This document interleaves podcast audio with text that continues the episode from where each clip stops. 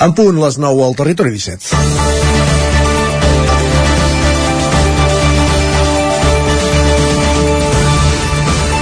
I bon dia, abans que res, des del territori 17. Albert Castells, regidor responsable de la via pública de l'Ajuntament de Vic, declarava ahir al jutjat en qualitat d'investigat per haver impedit, presumptament, que el Partit Popular instal·lés una carpa informativa a la ciutat en plena polèmica pel 25% del castellà a l'escola. Castells denunciava ahir que els populars hagin portat una qüestió administrativa a la via penal. Només pot respondre una estratègia política, asseguraven. Segurament no li falta raó. Si no fos el candidat de Junts a l'alcaldia de Vic, l'acció del PP no hagués anat tan allà. Ara bé, també és acció política plantar-se davant de plantejaments injustos i la instrumentalització que el PP i altres partits i entitats de l'anomenat bloc constitucionalista fan amb el català, vol, volem fer creure que la llengua que està en perill a Catalunya és el castellà, ho és de negar instal·lar la carpa li va acabar donant ressò a una acció que podia haver passat més desapercebuda. De fet, el president del partit a Catalunya va aprofitar per venir a Vic i passejar-se pel centre de la ciutat, rebent, això sí, les cridassada de més de 200 persones. El trist espectacle de la mala política. És dimecres, 5 d'octubre de 2022. Comença el Territori 17 a la sintonia de Ràdio Cardedeu, una codinenca, la veu de Sant Joan, Ràdio Vic, el 9 FM i també ens podeu veure, ja ho sabeu, a través de YouTube, Twitch i el 9 TV.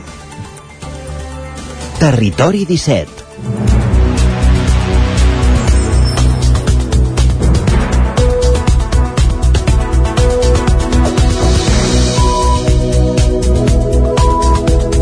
És dimecres, com dèiem, 5 d'octubre de 2022. Passen ara mateix un, gairebé dos minuts del punt de les 9 del matí. Comença un nou Territori 17. Avui, com cada dia en aquesta primera mitja hora, ens posarem al dia de l'actualitat de les nostres comarques, Osona, el Moianès, el Vallès Oriental i el Ripollès, en connexió amb les diferents emissores que dia a dia fem possible aquest programa. Ja ho sabeu, Ona Codinenca, Ràdio Cardedeu, la veu de Sant Joan, Ràdio Vic, el 9 FM i, insistim, ens podeu veure a través també del 9 TV, de YouTube i de Twitch. A dos quarts en punt serà el torn de conèixer la crònica del dia dels oferts usuaris de la línia del tren, de l'R3 a la tren d'Alba amb l'Isaac Muntades des de la veu de Sant Joan i acabat aquesta crònica ens acompanyarà aquí als estudis del 9FM la regidora de Cultura de l'Ajuntament de Vic, Bet Piella, perquè aquesta setmana Vic es vesteix de gala, divendres inaugura la nova biblioteca Pilarín Vallès que s'ha alçat allà en aquell solar on l'any 1992 va haver-hi l'atemptat d'ETA sobre la ciutat de Vic, a la caserna de la Guàrdia Civil. Avui allò és una biblioteca, com dèiem, una biblioteca amb molts serveis, amb molts equipaments que s'inaugura aquest divendres. En parlarem amb la regidora de Cultura a partir de dos quarts de deu aquí al territori 17. Més qüestions, més literatura per arribar al punt de les 10. Uh, avui recollim un altre dels relats curts del concurs de narrativa curta La Gralla al 9-9 amb el suport de la institució Puig Porret i avui serà el torn de La Taverna, un altre dels relats finalistes d'aquesta sisena edició, la taverna de Carles Roses de Can de Bànol. I arribarem, com cada dia, al punt de les 10 amb música. Més actualitat al punt de les 10, la, la previsió meteorològica amb en Pep Acosta. I avui saludem en Jordi Givert, com cada dimecres, al Territori Sostenible, en aquest cas per parlar de la iniciativa Calders Saludable. I la darrera mitja hora ens endinsarem al món de Twitter, a l'Hora Sánchez, amb en Guillem Sánchez, ens visitarà en Jordi Soler amb una nova sessió per conèixer-nos interiorment, a l'alegria interior, i acabarem el programa amb el Lletra Ferits, parlant de la setena edició, una nova edició dels vermuts literaris del Tarambana de Cardedeu, Avui Òscar Muñoz, des de Retrovisió Cardedeu, parla amb la periodista Clara Clavell, que és qui està al darrere d'aquests vermuts literaris. Aquest és el menú per al Territori 17 d'avui dimecres. Per tant, el que ens fa falta ara, el que ens falta ara és posar-nos en marxa.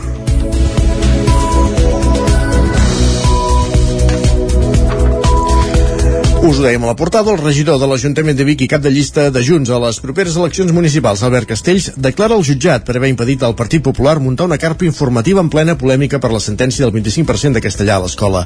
Castells ha declarat en qualitat d'investigat. Sergi Vives. Acompanyat dels membres de l'equip del govern amb absències destacables com la de l'alcaldessa Anna R, el regidor de, responsable de la via pública al consistori bigatà arribava ahir al matí als jutjats de Vic on estava citat a declarar. Ho va fer en qualitat advocat investigat al jutjat de primera instància a instrucció número 6 de la capital osonenca després que el passat mes de gener el Partit Popular posés en coneixement de la Fiscalia la denegació per part de l'equip del govern d'instal·lar una carpa informativa en plena polèmica per la sentència del 25% de castellà a l'escola. Una prohibició que va signar Castells i que no va impedir que els populars amb una comitiva encapçalada pel president del partit Alejandro Fernández es passegessin pel nucli antic una posada en escena que va comportar la mobilització de més de 200 persones que van escridassar els populars impedint la seva entrada a la plaça Major.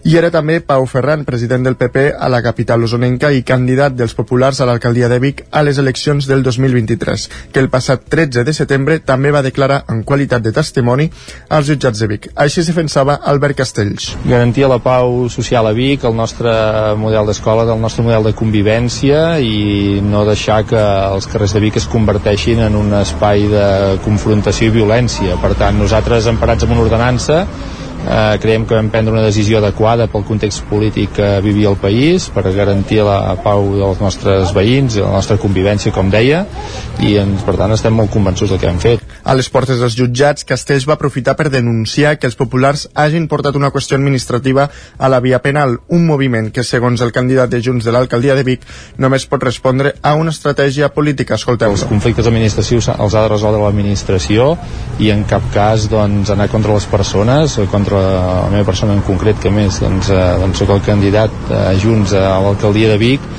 per, eh, des d'un punt de vista eh, judicial, doncs, derrocar l'adversari polític. Ens sembla que hi ha una clara intencionalitat política en portar aquest fet al jutjat penal. I bé, ara esperar la resolució del jutge a veure si, si ens envia judici per la via penal per un fet que creiem que és uh, un problema administratiu doncs hem d'esperar aquesta resolució de si ens envia judici per la via penal o bé arxiva la causa.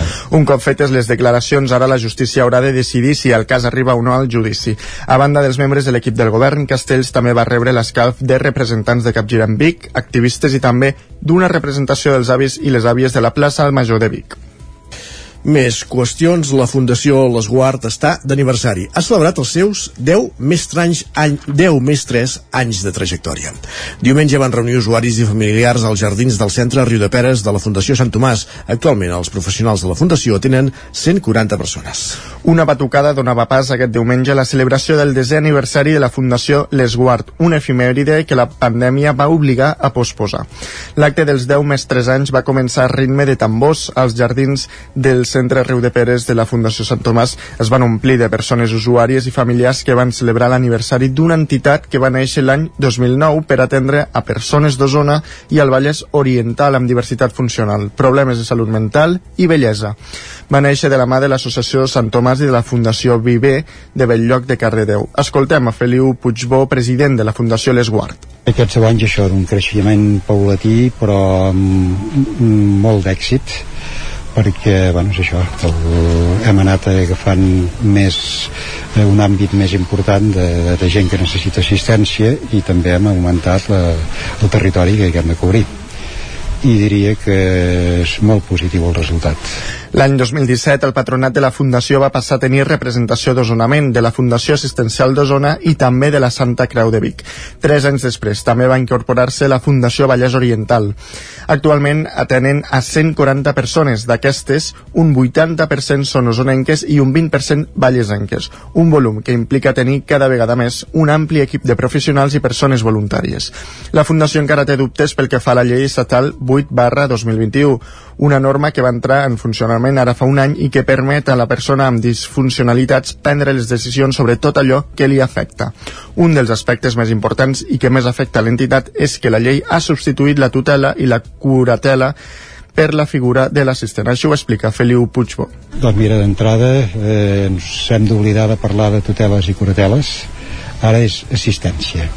I pot haver una assistència, eh, diguem, lleugera, i el que seria la més semblant a la tutela d'abans doncs aquesta seria l'assistència amb representació. I el més important és que l'última paraula la té la persona assistida. I una altra cosa important també que així com ara tenia d'haver-hi una sentència judicial doncs es pot fer també davant de notari. El desaniversari de la Fundació L'Esguard va finalitzar amb un dinar popular i un concert a la fresca El Col·legi de Metges de Barcelona i l'Agrupació de Ciències Mèdiques d'Osona celebren la festivitat de Sant Cosme i Sant Damià, la celebració de la professió mèdica usonenca. A l'acte, el periodista Ramon Besa va fer una conferència sobre el dret a la informació i el secret professional i es van lliurar els Premis Sanitat Osona, que arribaven a la quarantena edició. Part del sector sanitari osonenc es va trobar divendres al vespre a la sala de la columna de l'Ajuntament de Vic per celebrar la festivitat dels seus patrons, Sant Cosme i Sant Damià. En l'acte organitzat per la Junta Comercial d'Osona del Col·legi de Metges de Barcelona i l'Agrupació de Ciències Mèdiques d'Osona es va convidar el periodista Ramon Besa que va parlar de la relació que poden tenir metges i periodistes, com per exemple en situacions com la pandèmia de la Covid-19. Va fer també un paral·lelisme entre els pacients i els lectors. Escoltem a Ramon Besa. Molts pacients, com molts lectors, també creuen que ho saben tot. Van a la consulta perquè el metge els hi digui el que ells ja han descobert, que els recepti el que ja s'han comprat, que els hi diguin que cap i la fi si van a la consulta és perquè és una qüestió purament burocràtica. Fins i tot diria que a vegades n'hi ha de tan arrogants que fan que els metges se senti humiliat. Arribats en aquest punt, diria que els metges i els periodistes, a més a més de moltes diferències, també tenim alguna cosa en comú si partim de que uns tenim problemes amb els lectors i els altres amb els pacients. Durant l'acte també es van lliurar els Premis Sanitat Osona, que arribaven a la quarantena edició i que volen fer un reconeixement a les recerques que fan els sanitaris de la comarca. Això ho explica Jaume Pedrós, president del Col·legi de Metges de Barcelona. És una festa que el que fa és reafirmar eh, la convicció no només de que som una professió que mira d'estalvis, sinó que en el cas d'Osona el nivell de la medicina és no només assistencial és molt alta, sinó que el nivell d'activitat acadèmica de recerca també i això el que hem de fer tots és reconèixer aquest esforç. Els guardons en aquesta edició van ser a Javier Díez, especia especialista en medicina interna, Mariona Espaulella, en l'àmbit de la geriatria, Pere Roura, especialista en medicina preventiva per una recerca sobre el càncer, i Roberto Daniel Cortés, metge resident en geriatria. Gemma Gargas i Carlos Fragachan es van endur ex acuo el premi en la categoria de casos clínics de la borsa formativa dels residents. D'altra banda, també es van lliurar una beca d'investigació de l'Agrupació de Ciències Mèdiques d'Osona i dos ajuts consultori Vallès. Més qüestions, obrem la mira geogràfica, una trentena de parades de projectes locals d'economia social i solidària i entitats de cooperació mostraran els seus productes i projectes a la cinquena edició de la Fira Ecosocial de Cardedeu. Òscar Muñoz, Ràdio Televisió Cardedeu. Una trentena de parades de projectes locals d'economia social i solidària, entitats de cooperació i un espai destacat per a productes agroalimentaris del Mercat de Pagès s'ubicaran a la plaça de Sant Corneli el proper dissabte 8 d'octubre en el marc de la cinquena edició de la Fira Ecosocial que organitza l'Ajuntament de Cardedeu. La programació del dissabte es complementarà amb altres activitats lúdiques, d'entre les quals un espectacle familiar, un taller de fermentats i d'elaboració de conserves i un taller de bàsquet beat, juntament amb un concert itinerant i un dinar popular. La Fira Ecosocial de Cardedeu representa el tret de sortida de la tardor ecosocial, amb tot un seguit d'activitats a l'entorn de l'economia social i solidària que es duran a terme al Vallès Oriental aquest mes d'octubre sota el paraigües de l'Ateneu Cooperatiu. La fira comença avui dimecres on s'ha organitzat la taula rodona quan la realitat climàtica supera la ficció en la qual es parlarà de les novel·les que dibuixen futurs distòpics no tan llunyans i escenaris on la cooperació és clau per fer front a la lluita climàtica. La xerrada comptarà amb la participació dels experts Miguel Pajares, Rubén Surinyac i Gisela Torrents, amb la dinamització de la periodista Ruth Mañero. Aquest acte tindrà lloc al Teatre Auditori de Cardedeu. Més qüestions, dues vaques d'Osona entre les millors de l'estat espanyol. Aquestes formaven part del ramat de Catalunya, que es van portar en, es va imposar en la categoria de millor autonomia en el marc del 42è concurs nacional CONAFE de vaca frisona, celebrat el passat 24 de setembre. Doncs el ramat català es va imposar el d'Astúries, Cantàbria, Galícia i Andalusia, respectivament. El ramat guanyador el complementaven dues vaques, la Noguera i l'Alt Urgell. A títol individual, a més, el camp gran eh, del ramader Pol Colell va aconseguir dues posicions, una en vedelles de 6 a 8 mesos amb la vedella Loan Boom i l'altra de 12 a 14 mesos amb la vedella Everest i un tercer lloc en vedelles de 9 a 11 mesos amb l'animal Liberty Thunders. Can Soca, el ramader, del ramader Jordi R, per la seva banda, va obtenir el segon lloc a la categoria de vaques de lactació de fins a 31 mesos amb l'exemplar Hanika. Més qüestions. Un estudi de la Diputació de Barcelona constata la consolidació de Caldes de Montbui com a destinació turística també durant els mesos d'estiu. L'estudi ha permès identificar el perfil de turista i els motius de la seva visita que són principalment la proximitat a Barcelona i la tranquil·litat que troben a Caldes, que era el campàs zona codinenca. Les dades d'ocupació d'aquest estiu han estat de més d'un 90% als balnearis i un 81% al càmping al Pasqualet. Unes xifres que demostren que el municipi s'ha consolidat com a destinació turística també a l'estiu i que van en la mateixa línia que les dades del 2021 recollides en l'enquesta de la Diputació que s'ha fet pública ara. Segons l'enquesta, el perfil del turista que visita la Vila Termal és una persona de 43,6 anys de mitjana que es gasta de mitjana també 163 euros en tota l'estada. En parla en aquest sentit Carme Germà, regidora de Turisme a Caldes de Mont. Majoritàriament ben família, amb d'uns 4 o 5 membres de, de la família, que ve buscant l'aigua termal, però també natura, entorn, que ve perquè és una destinació propera a Barcelona i que majoritàriament són gent de Barcelona i, del, i de l'àrea metropolitana de Barcelona. A banda del turisme de proximitat de Barcelona i comarques, Caldes també rep turisme estranger que troba en la vila termal un lloc tranquil on para a descansar i on poden gaudir d'experiències que van més enllà de la visita a la capital catalana. Aquest increment del turisme s'ha notat també en les dades de visita del Museu Termàlia és un tipus de turisme que ells eh, paren a Caldes però ja buscant estar en un lloc proper a Barcelona, poder fer una visita. No és només eh, un turisme de desplaçament sinó d'estada de, en el desplaçament Segons les dades de l'estudi de la Diputació de Barcelona, els turistes i visitants fan una valoració molt positiva de la vila de Caldes, destacant aspectes com l'entorn natural, el caràcter i l'amabilitat de la gent, la qualitat dels allotjaments, l'oferta gastronòmica i la informació rebuda a l'oficina de turisme. Esports. I a la pàgina esportiva us expliquem que el cost dels vestidors del camp de futbol de Ripoll pateixen un increment de 165.000 euros. Isaac Muntades, des de la veu de Sant Joan. L'increment dels costos dels materials per la guerra d'Ucraïna s'han fet palesos en algunes obres que s'estan fent a Ripoll.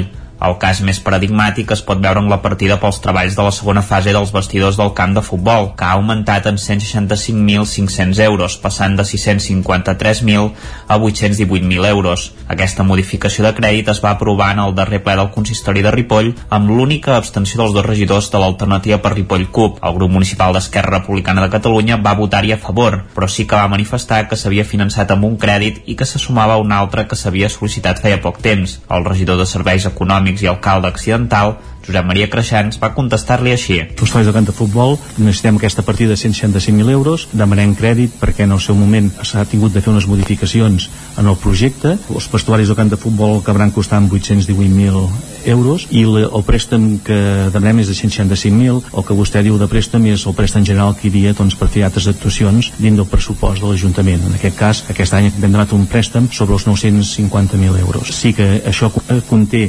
l'acabar tots els vestuaris i el termini en aquest cas que es va comprometre i que van fer signar doncs, a l'empresa per, per acabar són entre 3 i 4 mesos. L'alternativa per Ripoll Cup va abstenir-se perquè no veia clar el projecte de pavimentació del passeig Sant Joan, que passa de costar 60.000 a 104.000 euros. Aquests 44.000 euros es financen després de donar de baixa la partida de la segona fase del carril bici, que ja està programat per un projecte Planes. El regidor i cap de l'àrea d'obres i serveis, Joaquim Colomer, en detallava les noves actuacions. Per poder fer un tractament de les aigües superficials i un elements doncs, de, de seguretat en quant a boneres i sistemes d'aigua i per tant doncs, eh, millorar l'acabat doncs, de, del passeig de Sant Joan. Bàsicament el, el ferm o l'acabat del passeig de Sant Joan això encara no està. També es va donar d'alta un ingrés per indemnitzacions de la companyia d'assegurances de 4.400 euros, 2.800 dels quals es van destinar al servei d'enllumenat i 1.600 als serveis esportius. A més a més, es va fer un canvi de partida incrementant la de l'adequació de la segona planta de l'Ajuntament de Ripoll en 9.800 euros i donant de baixa una partida d'equips per a processos d'informació.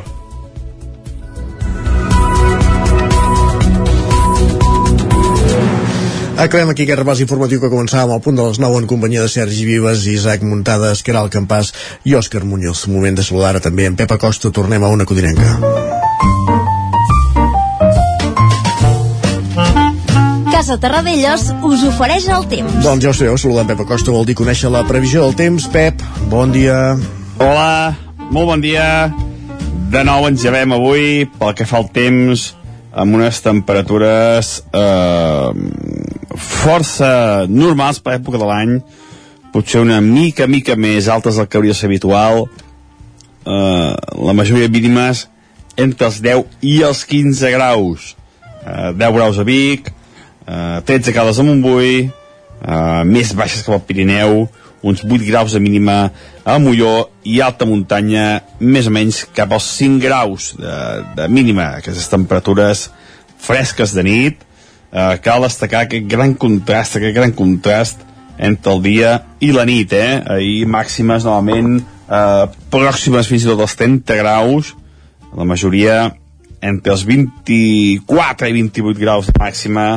A destacar això, eh, el, gran, el gran contrast tèrmic entre el dia i la nit. Eh, temps propici, ideal, eh, per encostipats, eh, mals de coll i un llarg etc. Eh? Segur que molta gent, molta gent té aquests símptomes aquests dies. És, és, és molt lògic. Al matí fa falta un jersei, al migdia s'obre de, del tot perquè eh, molta gent amb màniga curta, eh, bueno, eh, és, és el temps típic d'encostipats de, que sorgeixen a, a molts i molts indrets.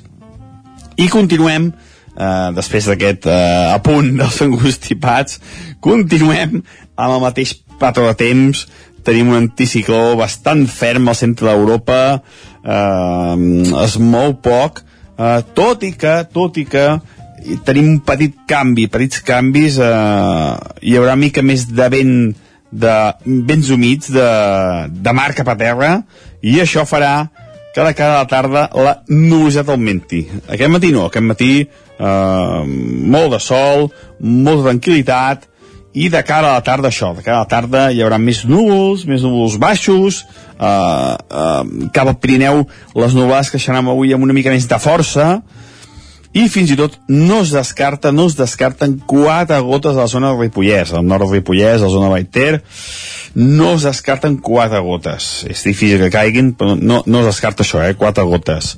A la resta del, de les nostres comarques no plourà, sí que hi haurà més núvols, i les temperatures eh, poden baixar uns 2 graus. Si ahir la majoria de valors estaven entre els 25 i els 29 graus, més o menys, eh, avui la majoria de màximes voltarà entre els 23 i els 26 graus. Um, per tant, una mica, una mica uh, més de fresca, gairebé serà imperceptible, no, no, no la notarem, però sí que baixarà una mica la temperatura.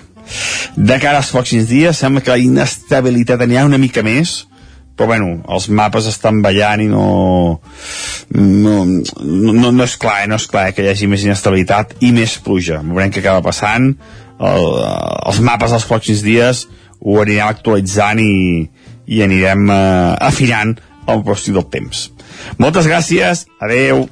Adeu, Pep, parlem més tard. Gràcies per aquesta previsió del temps. Ja ho sabeu, encara no tenim clar què pot passar en els propers dies, els mapes no estan clars. Avui, però, continua aquesta tendència. Anem cap al quiosc. Casa Tarradellas us ha ofert aquest espai. És moment de conèixer què diuen els diaris del dia avui a les seves portades. I, per tant, Sergi, per on comencem? Doncs comencem pel punt avui, que torna a insistir eh, amb aquesta guerra que hi ha entre Junts i Esquerra al govern amb un titular molt clar, Junts en campanya.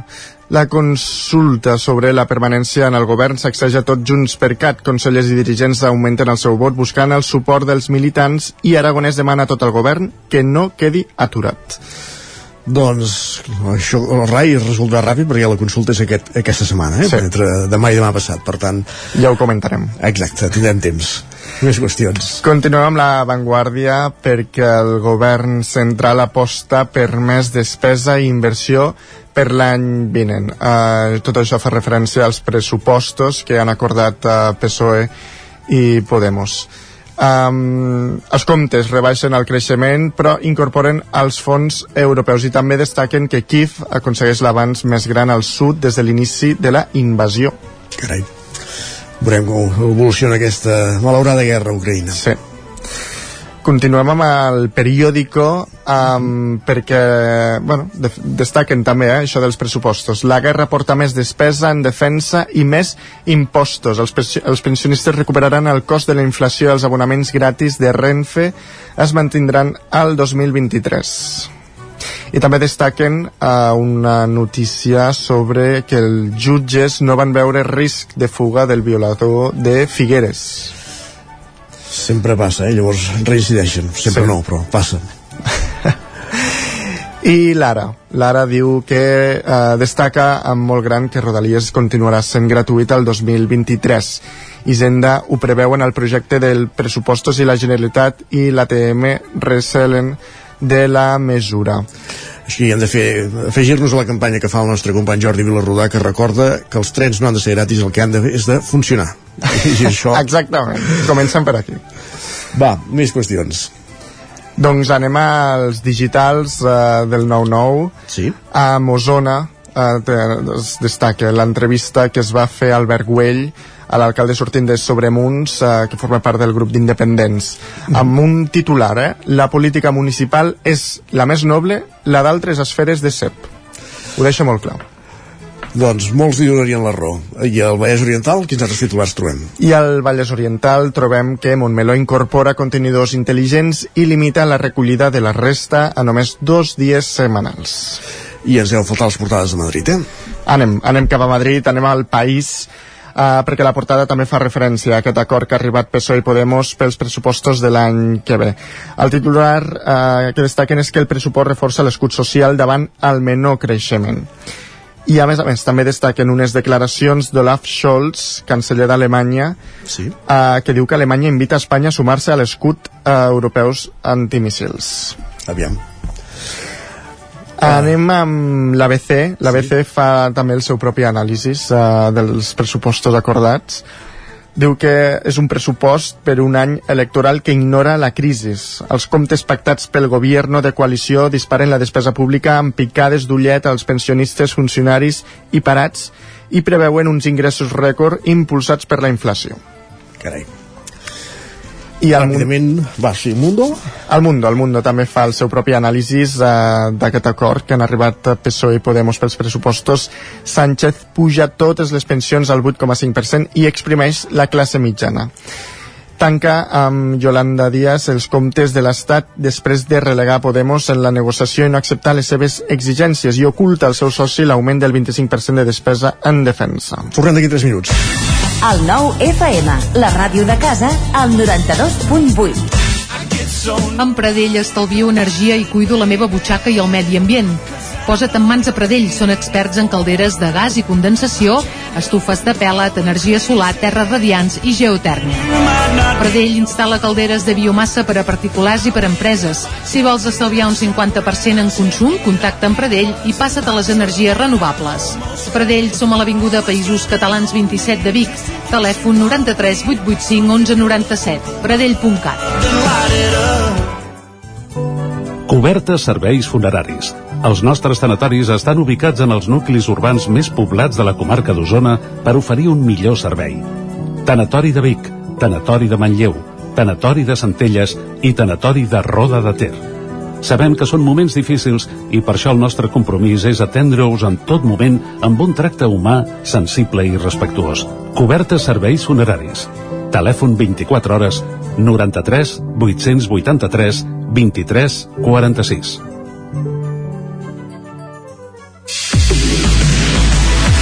El diumenge 9 d'octubre tornen els bolets a ceba. 24a edició de la Festa del Bolet, una de les fires de referència pel sector boletaire a Catalunya.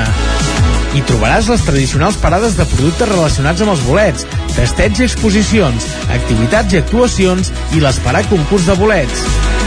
Vine a la 24a Festa del Bolet de Ceba. Més informació a ceba.cat. A Bailen sabem que quan té una avaria a la seva caldera vol una solució ràpida. Truqui al servei tècnic oficial Bailen i els nostres tècnics vindran ràpidament a solucionar-li el problema. A més, si canvieu ara la caldera, us regalem fins a 300 euros. Truqueu al 910 77 88 77 o entreu a bailen.es. La taverna d'en Sidoro. Fem esmorzars de forquilla, dinars, sopars i tenim una gran varietat de tapes i plats per escollir. Cuina oberta tot el dia. Tenim peix fresc de la llotja. No et perdis el nostre extraordinari pop. Vine a la nostra terrassa. La taverna d'en Sidoro. Som al carrer Pirineus 20 del polígon Mas Galí de Gurb. Telèfon 93 883 1689. Cocodril Club. Si t'agrada la bona música dels anys 60, 70 i 80, escolta el 9 FM als matins de dissabtes i diumenges d'11 a 1. És el temps del Cocodril Club, tot un clàssic de la ràdio, amb les bases del pop-rock, les llegendes, les cançons que s'han convertit en autèntics himnes. Recorda, dissabtes i diumenges al matí, d'11 a 1, al 9 FM 92.8. Cocodril Club, el programa revival de l'Albert Malla. Hasta luego. El 9 FM, el 9 FM, el 9 FM, el 9 FM, el 9 FM. Territori 17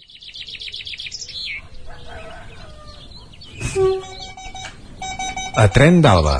Cada dia els usuaris i usuàries de la línia R3 de Rodalies que veuen sortir el sol des d'un vagó ens expliquen les gràcies i les penes del primer comboi que uneix Ripoll i Barcelona o les feixugues jornades amb el tren després de treballar.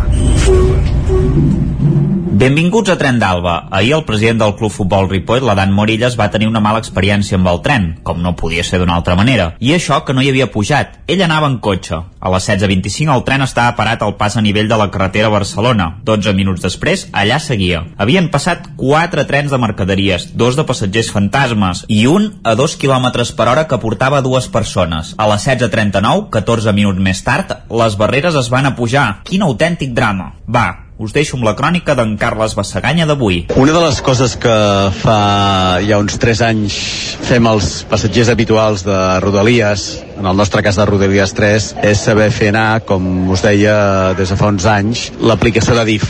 L'aplicació de DIF, per aquells que no la feu al tren, és una aplicació independentment de la de Renfe, que no parla d'horaris, sinó que parla de les previsions d'arribades dels trens previsions d'arribades i de sortides dels trens. I és molt útil precisament, en el meu cas, que em llevo aviat de Sant Joan de les Abadesses i agafo el tren a Ripoll, per saber si, per exemple, el tren que havia de sortir de Puigcerdà va en puntualitat o no. I és una aplicació molt còmoda també en el sentit que, més o menys, explica allà on en temps real està el tren. Bé, una de les aficions, com per exemple jo ara, avui, en aquests moments, estic fent, és precisament anar veient com els minuts van caient de retard i més retard a l'aplicació de DIF amb un retorn de tren. Aquesta és una de les uh, coses que els passatgers de Rodalies 3 habitualment hem de fer a les estacions, en el meu cas, o la de Ripoll de baixada o la d'estació de Sants de tornada, precisament per anar comprovant quants minuts perdrem a l'estació de tren. Avui en portem ja 17 i això sembla que va per llarg. Adéu-siau i bon tren. Gairebé, tal com ho pintes, Carles, val més no descarregar-se l'aplicació per no agafar més nervis amb el retard dels trens, tot i que l'aplicació és molt útil si està actualitzada al moment i pots veure si hi ha obres a la línia, si un tren no ha passat per haver de saber quina incidència o si s'ha d'agafar transport alternatiu en una part del trajecte, perquè l'aplicació està actualitzada, oi? Bé, deixem-ho. Ens retrobem demà amb més històries del tren i de l'R3. Doncs això serà demà, ara anem cap a l'entrevista. Territori 17, el 9 FM, la veu de Sant Joan, Ona Codinenca, Ràdio Cardedeu, Territori 17.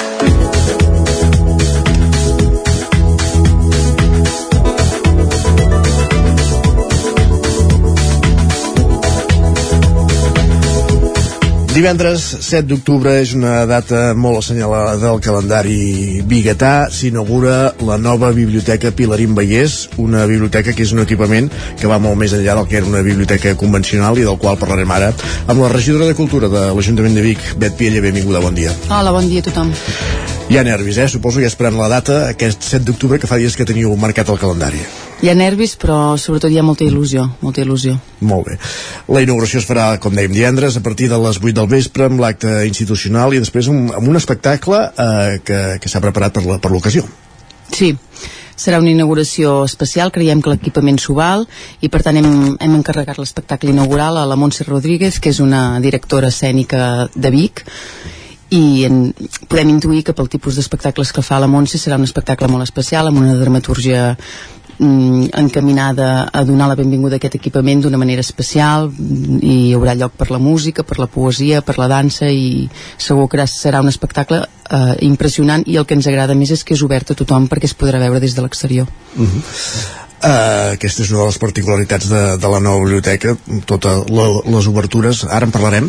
Abans deixem incidir també en el fet que durant tot el cap de setmana qui encara no l'hagi vist podrà visitar la biblioteca perquè aquesta jornada de portes obertes amb tot d'activitats i uh, uh, uh, els diferents espais que, que es que hi haurà i que es poden visitar dissabte i diumenge. Sí, el divendres després de l'espectacle inaugural també obrirem les portes perquè tothom que hagi assistit a la inauguració pugui veure l'equipament, les instal·lacions i dissabte i diumenge, com dius, de matí i tarda hi haurà les portes obertes i no serà d'una manera convencional, sinó que trobarem poesia, pels grans, eh, mm, contes per més petits, música, teatre, per tots els racons de l'equipament i així tothom podrà descobrir els diversos espais d'una manera així com més amena i divertida. Uh -huh. Des que va tancar les portes la Biblioteca Joan Triadú abans de l'estiu, que s'han anat fent diverses eh, visites, diguéssim, a les noves instal·lacions, eh, entitats, diverses persones han pogut ja fer-se una idea de com serà aquest nou equipament, que no té res a veure eh, amb el que teníem imaginat eh, amb la biblioteca, ja s'ha plantejat així d'un inici, hi ha diverses plantes, fes-nos un, un recorregut així eh, oral per, pel que serà la nova, la nova biblioteca, tot l'equipament en si que, que hi podem trobar. Sí, com comentes és un model de biblioteca gens convencional, és a dir, no és, no és la biblioteca a la qual estem acostumats fins ara, és un model de biblioteca nou, un concepte completament diferent, um, que ens hem inspirat en la inspiració, diguem, que ens ha vingut de les biblioteques que hi ha actualment ja en els països nòrdics. I per tant, és una biblioteca que ve a ser un centre cultural cultural. Evidentment hi ha la planta de biblioteca, d'estudi, de silenci, com en tota biblioteca, però només d'entrar al vestíbul ja veurem que no és una biblioteca com les habituals. I tenim un gran vestíbul en què a la dreta podràs anar en una, una cafeteria, que això tampoc és habitual, i un restaurant, que està pràcticament dins la biblioteca, és a dir, tu podràs agafar les begudes i anar-te'n a la zona de premsa a llegir el diari o llegir revistes. I a la banda esquerra hi tenim una gran sala que dona la benvinguda a, als infants. És la sala infantil, habitualment a les, a les biblioteques, les que es feien fins ara, els racons per la literatura infantil i per la, pels infants eren com més amagats, era l'espai del conte, el raconet, i aquí no, aquí tenen un paper molt important i només d'arribar a, la gran, a la biblioteca veus un gran espai dedicat als infants. A continuació vas pujant de plantes i trobes l'aula de formació, la planta anadodes, en què hi haurà l'aula d'autoaprenentatge, un servei que podíem haver posat a qualsevol altre lloc de la ciutat, però hem decidit posar-lo aquí doncs, per donar cabuda a, aquesta, aquests nous serveis que, que volem continuar oferint a la ciutat però d'una manera diferent. Per tant, hi haurà l'aula d'autoaprenentatge. Més avall, eh, ja eh, tornant a baixar cap a baix i més cap a, a la planta menys 1 i trobarem l'oficina d'atenció ciutadana. Per tant, aquesta biblioteca també tindrà el servei d'atendre la ciutadania per fer tots aquells tràmits que fins ara podien fer al carrer Virrei Avilés, a la subcomissaria, doncs traslladem el personal i les oficines aquí a la Biblioteca Pilarín Vallès. Al costat d'aquesta oficina d'atenció ciutadana hi ha lab. L'espai lab és l'espai, l'estudi de gravació. Tenim un estudi de gravació per totes aquelles persones que tinguin projectes musicals, projectes també audiovisuals, perquè hi ha un croma.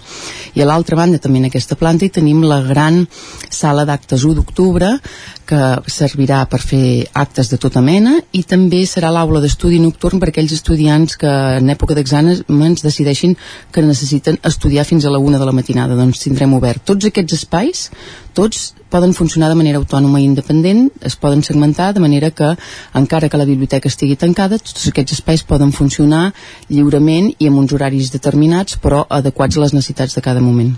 Per tant, hi haurà activitat els 7 dies de la setmana? Sí, uh, això també és una novetat, l'horari de la biblioteca canvia i per tant, així com la, la biblioteca Triadú no estava, per exemple, oberta el dilluns al matí, aquesta sí que estarà oberta, estarà oberta de dilluns a dissabte amb horari de matí i tarda, sense parar al migdia, només es para el dissabte una estoneta, i el diumenge, el diumenge al matí, aprofitant que eh, al, al barri del Remei hi ha el mercat i és un l'espai, com us expliquem, és un gran espai cultural, creiem que també ha d'estar obert. I per tant, el diumenge al matí segurament no serà, eh, eh, evidentment, amb el, amb el personal bibliotecari que hi haurà hagut tota la setmana, però els diumenges al matí farem activitats també, especialment adreçades als infants. Hi haurà contacontes i altres tipus d'activitats perquè l'equipament el diumenge al matí també pugui estar obert. Aquelles persones que van al mercat a fer un vol doncs puguin eh, també treure el cap a la biblioteca. Això serà en època de, de setembre eh, a juny. Uh mhm. -huh. Per tant, podríem dir que la biblioteca només estarà tancada el diumenge a la tarda. Això sí, com deia, si per exemple la cafeteria o el restaurant vol estar obert, podrà estar obert perquè pot funcionar de manera independent. O si s'organitza un acte a la sala d'actes, doncs també ah, exactament. Ah, exactament. Uh, la biblioteca està ubicada en un punt estratègic de la ciutat on hi havia hagut la, la caserna de la Guàrdia Civil que va ser objecte de, del malaurat atemptat terrorista de, de l'any 92 eh, on al punt de la barbària eh, hi haurà cultura, aquesta va ser l'aposta en el seu moment quan es va decidir ubicar la, la biblioteca aquí, però és que a més a més també és un punt fronterer no? entre diguéssim la, la part nord i la part, la, part sud de, la part sud de la ciutat, per tant és una aposta estratègica també diguéssim per, per unir allò que hem dit sempre dels dos Vics, no? Exactament, la ubicació és clau, és a dir, no és atzerosa, és una ubicació pensada expressament per aquests dos motius que comentaves, per fer un homenatge a aquelles persones que van ser víctimes de, de l'atemptat i per tant un lloc on hi va haver una tragèdia ara hi haurà una biblioteca que és un lloc de coneixement, un lloc de cohesió, un lloc d'inclusió i també la biblioteca on està situada conforma aquest eix cultural, aquest eix del riu que volem que sigui una cremallera, volem que sigui un punt d'unió entre aquest Vic de, dels barris del sud i més dels barris del nord. I estem convençuts que, que així serà perquè en aquest eix en què hi tenim la biblioteca ja, també hi tenim l'Ac Vic, les adoberies hi tindrem properament i l'Atlàntida, doncs aquest eix cultural serà aquest eix del riu que segur, de ben segur, ajudarà a unir aquestes, aquestes dues parts que en algun moment han estat així com més deslligades. Ara citava alguns eh, equipaments, n'hi ha un altre, eh, també el, eh, el passeig de la Generalitat, que és, que és l'ETC. Quin paper juga ara mateix l'ETC dins de tot aquest eix cultural, per entendre'ns? Doncs hi juga un paper molt important. Ara aquesta setmana hem deixat passar totes les notícies eh, en relació a la biblioteca, però la setmana que ve inaugurem la temporada de l'ETC, que ja fa dies que funciona evidentment amb el Cineclub, perquè la gent del Cineclub eh, eh, tenen una programació regular durant tot l'any, però la setmana que ve l'ETC s'inaugura amb el Festival Protesta, serà una de les seus del Festival Protesta. I aquest ETC tindrà molta relació amb la biblioteca. Per què? doncs eh, el que us deia, per exemple, de l'Espai Lab, l'Espai Lab, per aquest estudi de gravació, i tindrem, per exemple, un joves, imagineu-vos, que vulguin pre presentar un projecte musical, que vulguin eh, gravar la primera maqueta, i que un cop gravada, eh, fent un partit assaig en públic a la mateixa biblioteca, perquè ja veureu que les dimensions de l'estudi de gravació ho permet, doncs a continuació poden fer una residència, per exemple, a l'ETC. Com que tant la biblioteca com l'ETC estan gestionats des de l'àrea de cultura, doncs hem buscat aquestes sinergies i aquestes, aquests lligams que de ben segur seran molt profitosos tant per les persones que siguin actives i participin d'aquests projectes com per les eh, futures espectadores d'aquests projectes que s'hauran originat tant a la biblioteca com a l'ETC. Uh -huh. uh, evidentment, eh, estem parlant d'una dimensió molt més grossa que d'una biblioteca, com dèiem al principi, de tot un centre cultural. Això ha suposat també un procés de, de selecció de, de treballadors, de treballadores. Uh, quanta gent treballa en aquest nou equipament? Sí, doncs mira, en aquest nou equipament, amb aquest nou concepte que us deia, evidentment, a més a més dels bibliotecaris i bibliotecàries que venen de la, de la Biblioteca Triadú, hem hagut de fer un procés de selecció per escollir aquelles persones que s'han de fer càrrec d'aquests diversos espais que no són estricto sensu la biblioteca i per tant necessitem un dinamitzador musical per el que us comentava de l'Espai Lab de Música una persona que s'encarregui de tota la dinamització cultural, que en aquest cas serà una noia. També hi haurà un, unes persones que són auxiliars tècniques que s'hauran d'ocupar de tota la part tècnica i també hi ha un educador social. Totes aquestes persones formen part d'un programa municipal que té una durada de 3 anys i que ens serviran aquests 3 anys per veure les necessitats. Si aquestes persones poden respondre a les necessitats que tenim a la biblioteca, és a dir, mm, tenim un, una educadora social però potser d'aquí dos anys direm ostres, doncs amb dues aniríem millor i per tant aquests 3 anys serviran com de prova a part de la coordinació de l'Ignasi Gené, per anar veient totes les necessitats. I un cop establertes i vista eh, la demanda que hi ha de tots els serveis, podrem establir les places definitives. I ja per últim, eh, aquesta biblioteca, com dèiem, eh, acull també el que havia estat la biblioteca Joan Triadú, eh, un espai que queda buit a la ciutat, on no sé si ja està actiu com a centre cívic, si més no, ja he vist algun anunci de que parla del centre cívic Joan Triadú, mm, ha anat tan ràpid el procés, o en quina fase està, diguéssim, la reconversió de, de l'antiga biblioteca centre cívic? Doncs ha anat rapidíssim perquè des del 19 de setembre està actuant com els eh, centres cívics. Sabeu que a Vic tenim molts centres cívics, eh, a la Serra Sant Ferm, a la Guixa, als habitatges Montse, Montseny, els tenim eh, a molts barris de fora del centre, el més cèntric era, era Camp Pau Raba i ens semblava que el convent del Carme, l'edifici que actuava, que, que acollia la Triadú, no podia quedar buit de cap manera. Per tant, de seguida vam buidar-lo, eh, les persones que l'han vist així buit eh, han recordat els vells temps de quan anaven a l'escola, dels germans maristes, els ha agradat molt, el claustre queda molt bonic i hem posat igualment un punt de lectura i un punt de préstec, perquè recordem que tot i ser centre cívic, i per tant és obert en horaris de centre cívic, i si faran tallers, per cert, els tallers del centre cívic um, Joan Triadú, que seran, posaran l'accent en les humanitats, els primers ja estan completament exaurides les places, per tant han tingut molt èxit, però um, aquest espai que hem posat de lectura al mig de, del claustre també servirà, això que us deia, de punt de préstec, perquè les persones que tenen l'hàbit d'anar a la biblioteca, si en principi els costa doncs, de canviar a la Pilarín Vallès, poden anar a la Triadú, demanar un llibre perquè el, el catàleg serà consultable i l'endemà se'ls portarà el llibre. El que passa que jo espero que aquest procés el farem durar tant, tant com sigui necessari, però jo entenc que les persones habituades a anar a la biblioteca, quan veuran la nova biblioteca Pilarín Vallès i totes les prestacions que els pot oferir, ràpidament faran el pas d'anar directament a la Pilarín Vallès sense passar per el Triadú, que ara és un centre cívic la nova biblioteca Pilarín Vallès de Vic, que s'inaugura divendres, durant tot el cap de setmana jornada de portes obertes i a partir de dilluns ja comença i comença l'activitat, que per cert, Pilarín Vallès hi dona nom i també evidentment serà di, divendres a, a la inauguració en, en, en els parlaments institucionals. Bet Piella, regidora de Cultura de l'Ajuntament de Vic, gràcies per ser avui al Territori 17. Gràcies a vosaltres. Que vagi molt bé aquesta setmana especial. Esperem-ho, moltes gràcies. Avancem al Territori 17, tot seguit avancem cap al concurs de narrativa narrativa curta.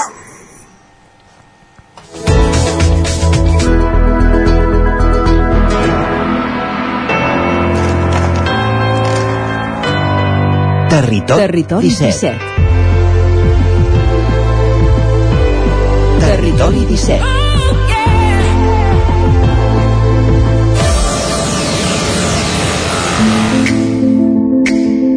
Sisè Premi de Narrativa Curta La Gralla al 9-9 amb el suport de la institució Puigporret.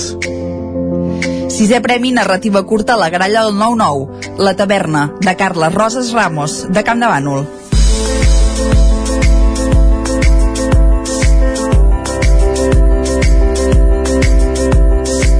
Quan les campanes dringaven de bon matí, només era l'estiu que no molestaven, venia de gust llevar-se aviat i gaudir de la fresca amb la primera llum del dia.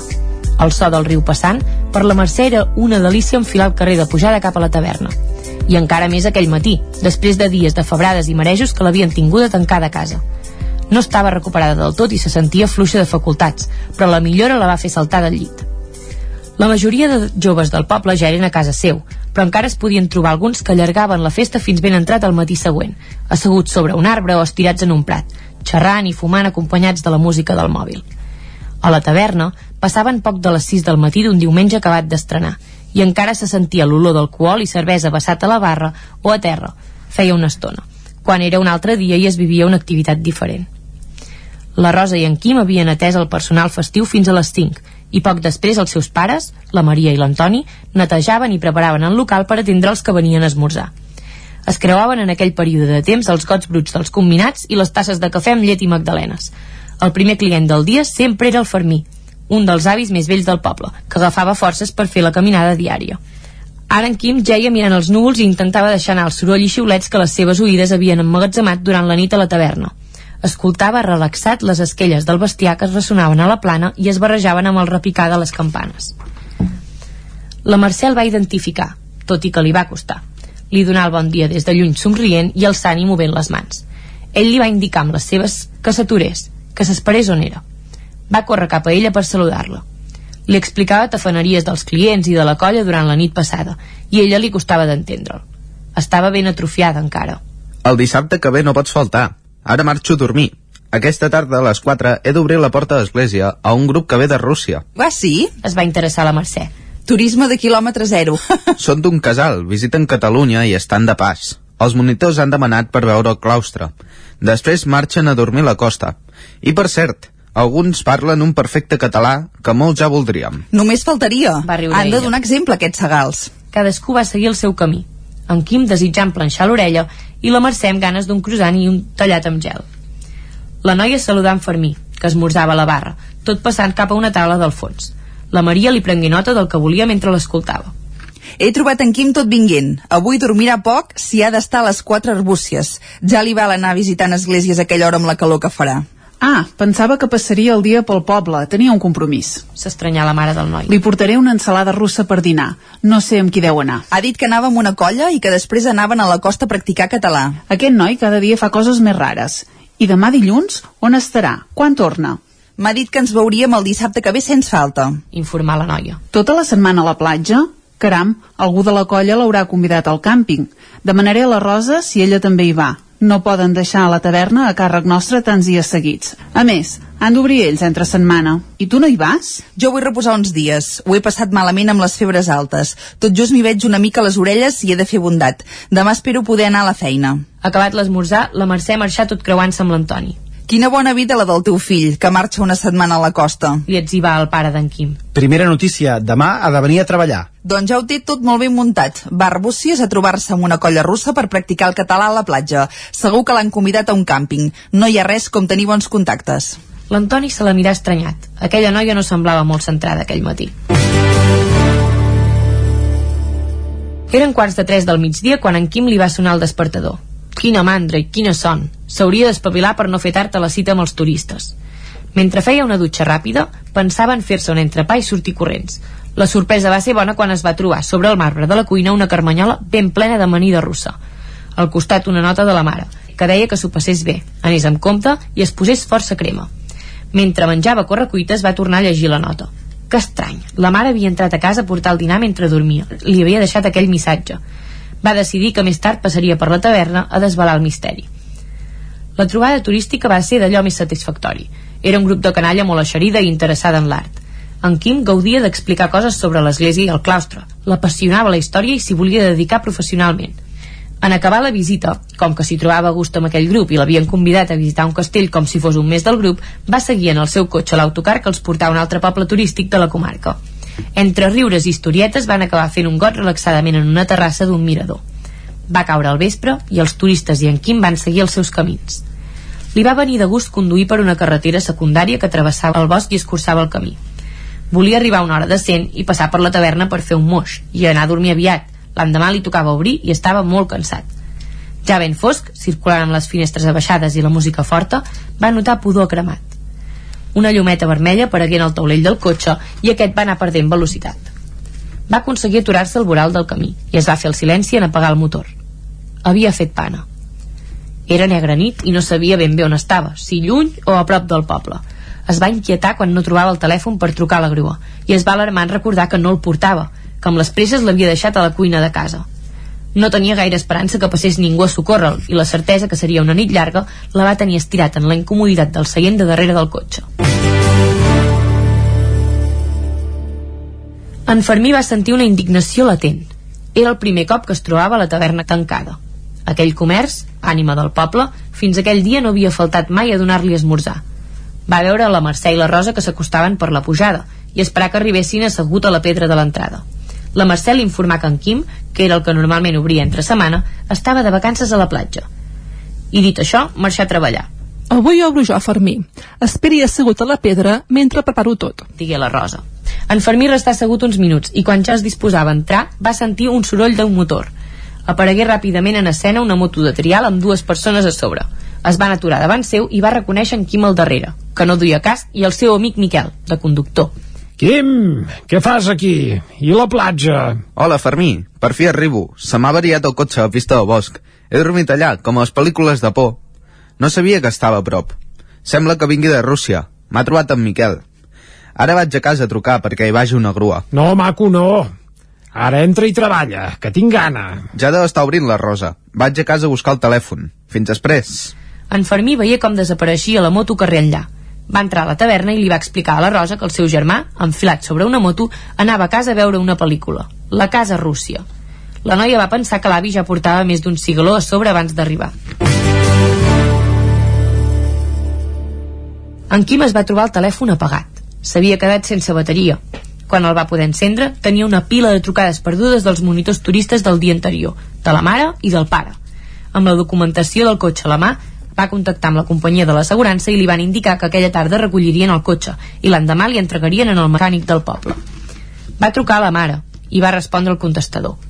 Amb el pare va passar el mateix i li va deixar un missatge de veu informant que estava a casa i que després ja es veurien.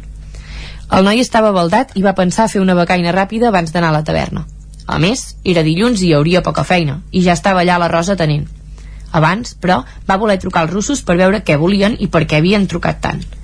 Se li va posar la cara de tots colors en sentir que s'havia deixat la cartera i les claus de l'església dins una bosseta, a la taula de la terrassa del mirador on van estar el dia abans. Ho tenien ells, a Blanes. No ho havia extraviat del tot. En Quim bufava amb les mans al cap. Que maldestre arribava a ser. I ara què?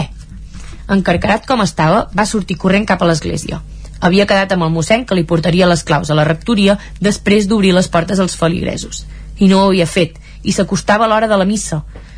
En arribar es va trobar la plaça buida, l'església tancada i en Fermí emprenyat. És la primera vegada que em trobo la porta tancada per missa de Déu. Això no és seriós. Protestava l'avi. Quim, què passa avui? Li cridant veure. Ai, Fermí, quins dies porto.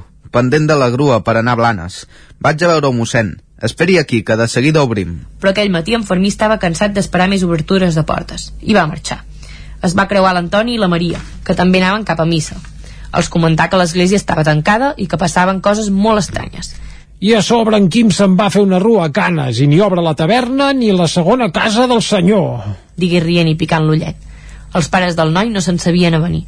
En Quim està a casa seu. M'ha trucat. I el pare. Què va? Està de càmping a la platja i torna el dissabte corregir la mare. Doncs l'acabo de veure. Informant Fermí. Deu haver aparcat la moto amb el Miquel i després de mirar la pel·lícula ha recordat que l'església estava per obrir. La parella se'l mirava amb cara d'interrogació i es va fer el silenci. Un soroll estrident al trencar. Era la moto d'en Miquel, que sorgí de sobte com un cavall desbocat, brandant la figura del cavaller Quim. Sense aturar el vehicle, aquest es dirigí cridant als assistents. Marxo amb moto a la platja, a Blanes. Tinc una trobada ineludible amb la gent de Rússia, en un càmping. Sort que parla en català. Ha de venir una grua carregada amb el meu cotxe. Vaig fer pana tornant de l'església.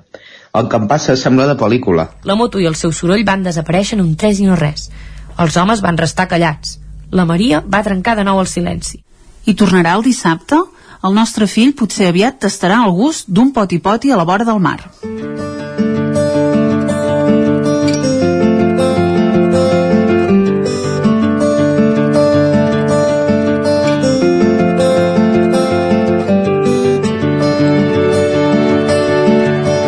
La taverna, de Carles Roses Ramos, finalista del sisè premi de narrativa curta La Gralla al 9-9, amb les veus de... Júlia Danés, Pol Matavaques, Esther Rovira, Gés Carol, Guillem Sánchez, Maria Peix i Jordi Sunyer. Sisè premi de narrativa curta La Gralla al 9-9, amb el suport de la institució Puigporrets. Doncs avancem al territori 17. Arribarem al punt de les 10, com fem cada dia amb música. I després d'escoltar aquest nou relat, un altre dels finalistes del sisè concurs de narrativa curta La Gralla al 9-9, amb la seva adaptació sonarà. Ja sona la cançó de fons amb la qual arribarem fins a les 10 eh, al Principat, més o menys, qui més qui menys ha sentit parlar dels premis en The Rock però també que també tenen una versió a les Illes Balears. I en aquesta edició el jurat del Premi Enderroc ha decidit lliurar premis d'honor com per exemple el, a grups com Ja t'ho diré o Antònia Font i avui el que fem és escoltar una de les cançons més emblemàtiques de Ja t'ho diré, la banda menorquina liderada per Cris Joanico, com dèiem, en de rock d'honor en els Premis en de rock de les Illes Balears, que es lliuraran properament. Una banda que va estar molts anys eh, al Principat i que de fet un dels seus primers concerts que van fer quan van aterrar de Menorca a Catalunya va ser a la comarca d'Osona en una gèlida nit de Carnaval de, de Torelló. Amb Ja t'ho diré, amb els Civens arribem al punt de les 10 al territori 17. S'escales del Pilar te cantaries cap vespre estimaries a matinada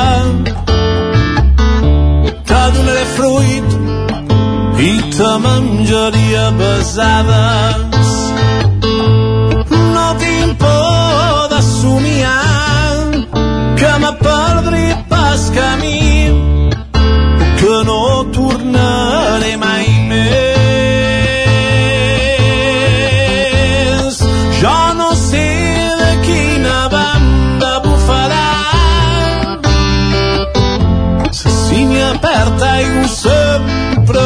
els peus banyats tenim pedres entre ses ungles ben pocs i despuats com a dues gotes d'aigua ses cales del Pilar. Si vens si vens en trobaràs.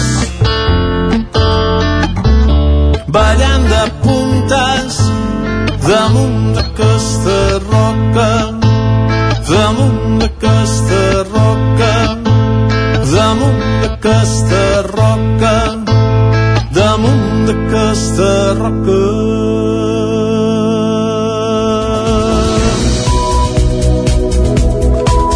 Ens posem al dia de l'actualitat de les nostres comarques al territori 17, ara al punt de les 10, ja ho sabeu, ho fem en connexió amb les diferents emissores que dia a dia fan possible aquest programa, la veu de Sant Joan, Ona Codinenca, Ràdio Cardedeu, Ràdio Vic, el 9 FM. També ens podeu veure a través del nou TV, Twitch i YouTube, i tot per explicar-vos l'actualitat de les nostres comarques, Osona, el Ripollès, el Moianès i el Vallès Oriental. Nous passos de l'Ajuntament de Vic en el projecte per recuperar i revitalitzar el barri de les Adoberies. El ple ha aprovat per unanimitat l'expropiació de cinc finques per guanyar espai públic i millorar la vialitat de la zona.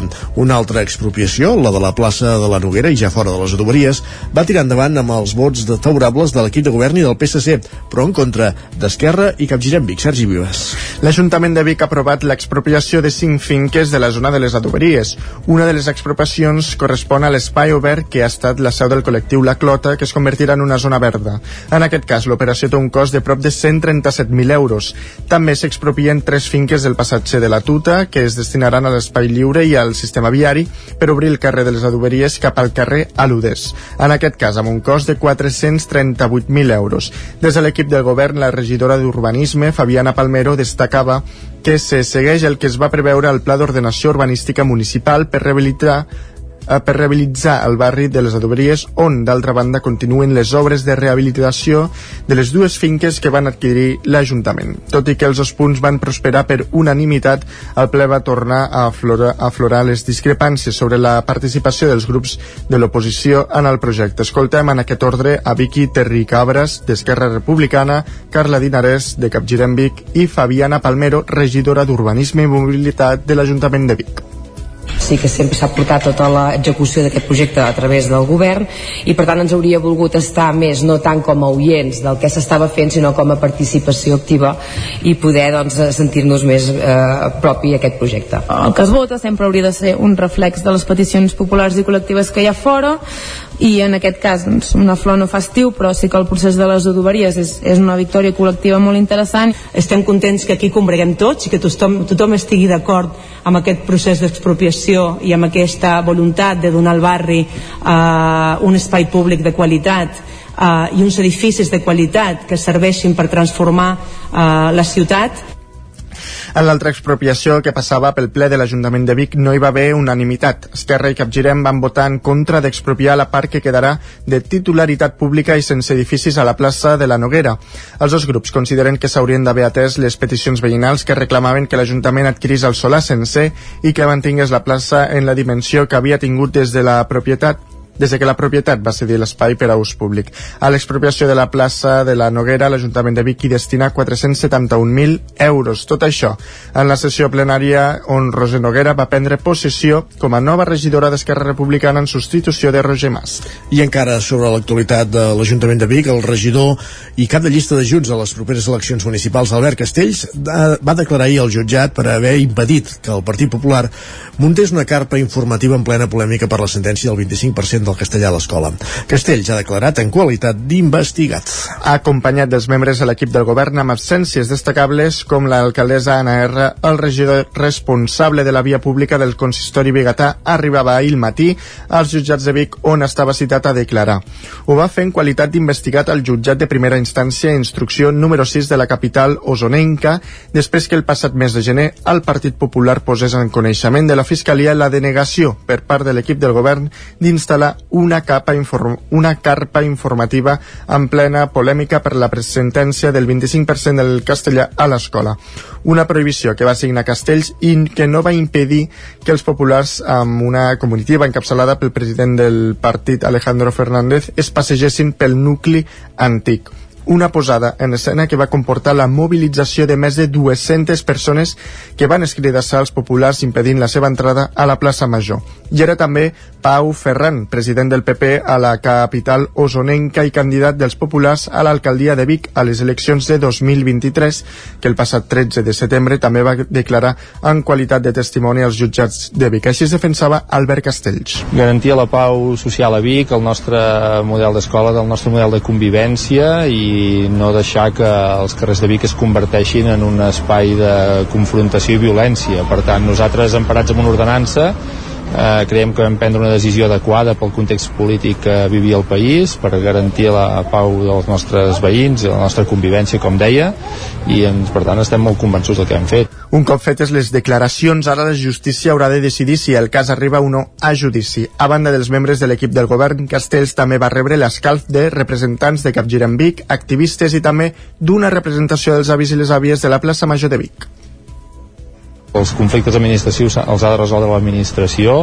i en cap cas doncs, anar contra les persones, contra la meva persona en concret, que més doncs, eh, doncs soc el candidat eh, Junts a l'alcaldia de Vic per, eh, des d'un punt de vista eh, judicial, doncs, derrocar l'adversari polític. Ens sembla que hi ha una clara intencionalitat política en portar aquest fet Avancem en el ràdio informatiu, la, obrim la pàgina econòmica, Seidor a terra a l'Índia després de l'adquisició d'Open Trends. La integrarà una unitat de desenvolupament d'aplicacions al núvol de 500 treballadors.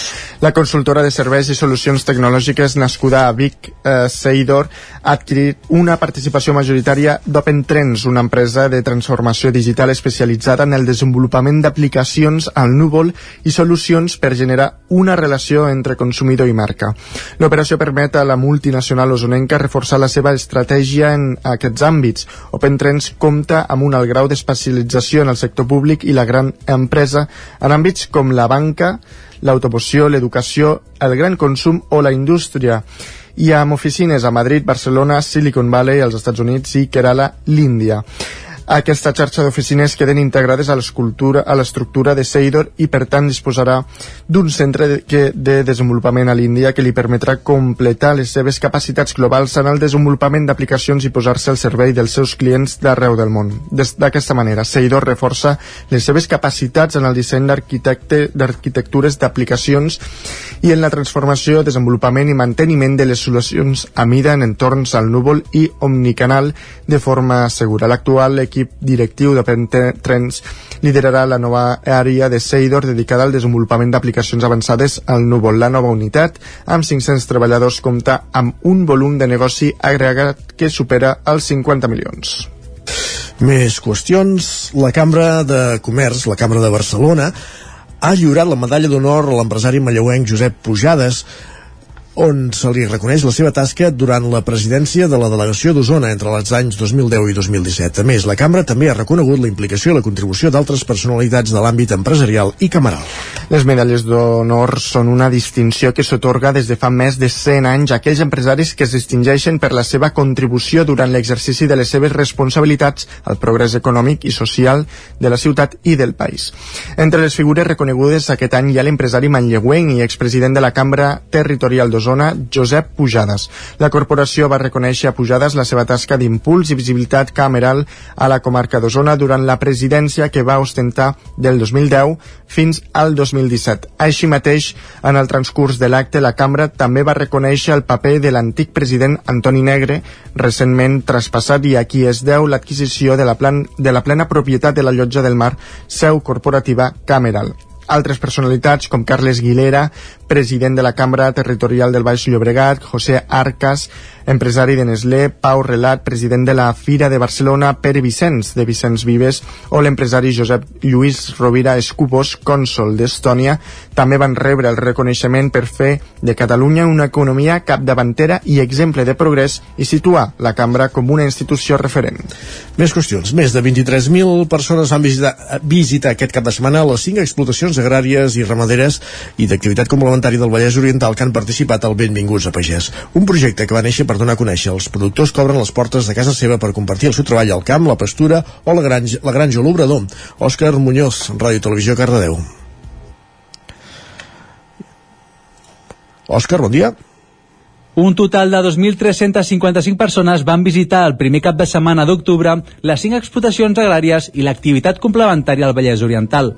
Les explotacions van rebre moltes més visites de les que estaven registrades, però els productors i productores van fer l'esforç i van atendre totes les persones que s'hi van apropar. Durant el cap de setmana van obrir les portes en explotacions agràries, propostes originals en restaurants, allotjaments i activitats per ensenyar els camps, ramats o obradors i donar a conèixer els productors i productores que obren les portes de casa seva per compartir el seu treball. Més de 34.000 persones van participar a l'experiència de Benvolguts a Pagès a la festa durant tot el cap de setmana, amb la participació de 160 explotacions agroalimentàries. El cap de setmana va permetre reconnectar el públic amb els productors i productores de Catalunya i del Vallès Oriental. Els pagesos i pageses van fer una valoració molt positiva del cap de setmana en què ha estat protagonistes, han divulgat el seu dia a dia i van posar valor la importància del sector primari. Benvinguts a Pagès té una presència de les 42 comarques catalanes i és una oferta lúdica, turista i gastronòmica a l'entorn del producte i l'àmbit rural que ajuda a descobrir i donar valor al món de la pagesia. Durant aquests dos dies també ha servit per redescobrir on neix tot allò que mengem i conèixer de prop les persones que fan els aliments ens arribin a casa. Més de... El Museu Termàlia de Caldes ja té gairebé punt una exposició fotogràfica sobre els pacients de Covid persistent que s'han tractat amb balneoteràpia al poble. Caral Campàs, Ona Codinenca. El Museu Termàlia dedica enguany l'exposició de la Festa Major a visibilitzar la Covid persistent. L'exposició Persistents més enllà de la Covid parla de l'experiència de pacients que van participar en l'estudi pilot impulsat entre els mesos d'abril i juliol per part de l'Ajuntament de Caldes i l'Hospital del Mar de tractaments de balneoteràpia per combatre aquesta malaltia. Concretament, l'exposició ofereix el testimoni gràfic i oral de 43 persones fent tractaments tant individuals com col·lectius en un total de 41 fotografies entre retarats i documentals i 25 àudios amb les veus de participants a l'estudi que surten a les fotografies i de dues persones que han preferit no sortir en imatges. En Quim Pasqual és el fotògraf de tota l'exposició i explica com són aquests retrats. Aquesta exposició es pot veure en dues parts, diguem. Um, la primera recull una sèrie de retrats d'aquestes persones que han participat dins l'estudi i són uns retrats una mica poc complaents perquè no mostren la seva millor cara en aquest cas d'això d'alguna manera um, s'agraeix molt perquè aquestes persones en certa manera eh, no volen estar així, d'aquesta manera, en aquesta situació. Es deia, els retrats són poc complaents pel fet de que és una situació vital en aquests moments que no és gaire agraïda, que és una pausa en el temps, que és un moment d'incertesa i això és el que intenta reflexar els retrats. Per la seva banda, Begoña Pugés, participant a l'estudi i el retrat de la qual s'ha utilitzat per al cartell de l'exposició, fa un balanç molt positiu del tractament. Quan estava a les aigües, molt bé, la veritat, però va ser una experiència molt esgotadora. El que passa és que vaig acabar eh, i els dolors havien anat marxant i va ser acabar i tenir un xute d'energia eh, com feia un any i mig que no havia tingut. I això ho val tot. O sigui, per mi va ser una experiència doncs, molt bona. La mostra obrirà portes el proper 8 d'octubre i s'inaugurarà oficialment el diumenge 9 al migdia i estarà exposada fins al 8 de gener. Esports. I a la pàgina esportiva us expliquem que la ciclista candanolenca Laura Martí correrà en un equip professional l'any vinent. Isaac Muntades, des de la veu de Sant Joan. La ciclista campdevanolenca de 28 anys, Laura Martí, està a un pas del professionalisme. Després d'una joventut on va tastar l'esquí alpí perquè el seu germà també el practicava i de jugar a futbol dels 13 als 22 anys en equips com el Vigo o el Manlleu, Martí va fitxar per l'equip Team Group Abadile Bolú l'any 2021, ja que abans competia al club ciclista Baix Ter Catema. La ciclista de Campdevànol volia fer un pas més i el conjunt francès, que milita la divisió nacional One, li oferia aquesta possibilitat. De fet, l'equip passarà a la categoria UCI Pro Tour i serà professional, i per tant, ella també farà el salt. Les dues darreres temporades han estat les millors de Martí i el seu equip, el grup Abadile Boulou, va aconseguir la tercera posició per equips a la Copa França, un campionat de set proves que va finalitzar el passat 25 de setembre amb la Mirabel Clàssic 2022, un recorregut de 113 quilòmetres en què les ciclistes passaven per un circuit de 18 quilòmetres diverses vegades i després per un circuit final a 38 km per hora. Martí explicava com s'havia desenvolupat la prova. L'objectiu de l'equip era, era pues, aconseguir la, la tercera o la segona plaça com a equips de la Copa França, que està molt bé, és, vull dir, pujar al podi al final com a equips és, és un molt bon resultat, i havíem pues, això, no? o, o posar-nos a l'escapada o, fer, o fer un molt bon sprint, perquè al final l'etapa d'ahir va ser, va ser molt, una etapa molt nerviosa, molt ràpida, eh, molt tècnica, i va posar una noia, quan portàvem 30 quilòmetres, una companya d'equip es va posar a l'escapada, i clar, el treball com a equip era pues, parar el pilot perquè aquesta companya nostra guanyés i va quedar, va quedar segona. Inés van der Linden va acabar segona d'un pilot de 140 noies i Martí va acabar en 29a posició a 53 segons de la vencedora. Enguany, la ciclista de Camp de Bànol ha obtingut bons resultats a la Copa França, com per exemple la victòria general del mallot verd del Tour de Charente Maritime Femenen, amb dues etapes on va guanyar-lo i que es dona a la millor a l'esprint o més regular. També va aconseguir la desena posició al clàssic feminin Bien Novel Aquitant. L'objectiu de l'equip de al podi de la Copa França per equips es va complir. Per Martí, el nivell de França és superior al de Catalunya i de l'estat espanyol perquè hi ha més cultura ciclista i hi ha ciclistes molt bones tècnicament. Tot i que sembli que pugui ser gran, la carrera de ciclista de la Carnavanolenca tot just acaba de començar. Per exemple, la seleccionadora catalana aquest any va anar seleccionada a dues carreres, la catalana, i la seleccionadora catalana, la Marta Vilajosana, està apostant molt per mi, diu que tinc l'edat perfecta i que estic en ple creixement, i ella sempre ho diu, eh, que les noies de, a partir dels 30 comencem a explotar com a, com a gran, comencem a desenvolupar com a corredores. Al final, si mires les millors corredores del món, estem parlant que es mouen entre els 36, 37 i 38 anys. I inclús la Van Bleuten, que en té 39. Amb tot, la ciclista campdevanolenca, que ara viu a Girona, ha de compaginar els entrenaments que els fa a la tarda amb la feina al matí. Gràcies, Isaac. Temps pel temps.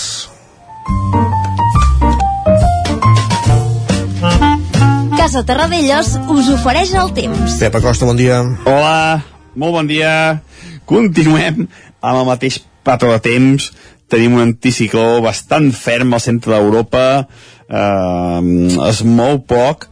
Eh, tot i que, tot i que tenim un petit canvi, petits canvis. Eh, hi haurà mica més de vent de vents humits de, de mar cap a terra i això farà que de cara a la tarda la nuvolositat augmenti. Aquest matí no, aquest matí eh, molt de sol, molta tranquil·litat, i de cara a la tarda això, de cara a la tarda hi haurà més núvols, més núvols baixos, eh, eh, cap al Pirineu les nuvolades que xerem avui amb una mica més de força, i fins i tot no es descarta, no es descarten quatre gotes a la zona del Ripollès, al nord del Ripollès, a la zona Baiter, no es descarten quatre gotes. És difícil que caiguin, però no, no es descarta això, eh? quatre gotes.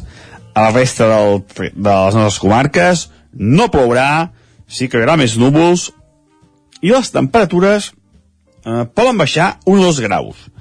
Si ahir la majoria de valors estaven entre els 25 i els 29 graus, més o menys, eh, avui la majoria de màximes voltarà entre els 23 i els 26 graus. Um, per tant, una mica, una mica uh, més de fresca, gairebé serà imperceptible, no, no, no, la notarem, però sí que baixarà una mica la temperatura. De cara als pròxims dies, sembla que la inestabilitat anirà una mica més, però bueno, els mapes estan ballant i no no, no, no és clar, eh? no és clar que hi hagi més inestabilitat i més pluja. Veurem què acaba passant, el, els mapes dels pròxims dies ho anirem actualitzant i, i anirem eh, afinant el rostre del temps. Moltes gràcies i fins demà. Adeu. Us ha ofert aquest espai. Territori 17, el 9 FM, la veu de Sant Joan, Ona Codinenca, Ràdio Cardedeu, Territori 17. I és moment d'anar al territori sostenible, l'espai per conèixer iniciatives a casa nostra que ens acosta cada setmana en Jordi Givert des d'Ona Codinenca. Jordi, bon dia. Doncs avui al Territori Sostenible volem acostar-nos fins a Calders per parlar de la desena edició del Calders Saludable, la fira que es torna a repetir aquest any i que està d'aniversari. I per fer-ho volem parlar amb la Teresa Pagès, regidora de Salut, Educació i eh, Benestar Social eh, del poble. Hola, eh, Teresa, bona tarda. Hola, bona tarda. Teresa, per començar a situar-nos, ens pots explicar com surt la idea de, de crear uh, aquesta, aquesta fira i, i en què consisteix per la gent que no ha tingut l'oportunitat d'apropar-s'hi aquí a Calders? Bueno, aquesta fira, la iniciativa, com bé dius, no fa 10 anys, sinó que fa 11. El que passa que com que la fèiem primer durant la festa major d'hivern, eh, vam veure que era fatal perquè feia molt fred i no podíem, no podíem fer-la, vam passar-la. Per tant, són 11 anys, malgrat celebrem els 10, eh? Mm -hmm, val, sí, sí, suposo que també la pandèmia pel mig ha, ha, ha fet un parèntesi, a més a més. Pandèmia, no, l'hem fet, eh? Hem Sí? tingut la gran sort que no ens han tancat. El primer any abans de la pandèmia vam anar justos i el següent eh, van obrir aquella mica que vam posar moltes mesures de seguretat i vam poder-la fer. Encara, encara bo. Uh, doncs en què, en què consisteix? Quin és l'objectiu de- d'aquesta fira? Mira, l'objectiu és fer tot plegat un món més saludable, no? Mhm. I llavors el que nosaltres fem és introduir pues, noves teràpies, eh, menjar sa, hàbits saludables, i tot això ho fem a base de tallers, xerrades, eh, una sèrie d'activitats. Vale. Uh, podem fer una mica quin, quines activitats, saber quines activitats heu preparat uh, per aquest cap de setmana? Dissabte com, com començarà? Sí, dissabte comença a les 8 i mitja del matí, dos quarts de nou, amb una marxa nòrdica i ioga. Uh -huh. Per fer una mica d'exercici, per començar. Sí, per començar una mica d'exercici en el que els donarem una mica d'aigua i una poma perquè, perquè puguin tirar endavant. Molt bé. Llavors farem una sèrie de tallers, uns es fan dintre del casal i altres es fan dintre de... Bueno, es fan a l'exterior. Hi ha un taller de massatge infantil molt, molt, és molt bonic perquè és per nadons i és la forma de fer-los massatge perquè estiguin tranquils i estiguin bé i també els donarem un dossier de la persona que ho, ho du a terme Uh -huh. que ha fet per, per això. Després també farem un taller per pintar cares, farem una elaboració d'espelmes amb oli reciclat, eh, tenim un showcooking que, organitza el, que pots organitzar la teva, el teu menú de la setmana.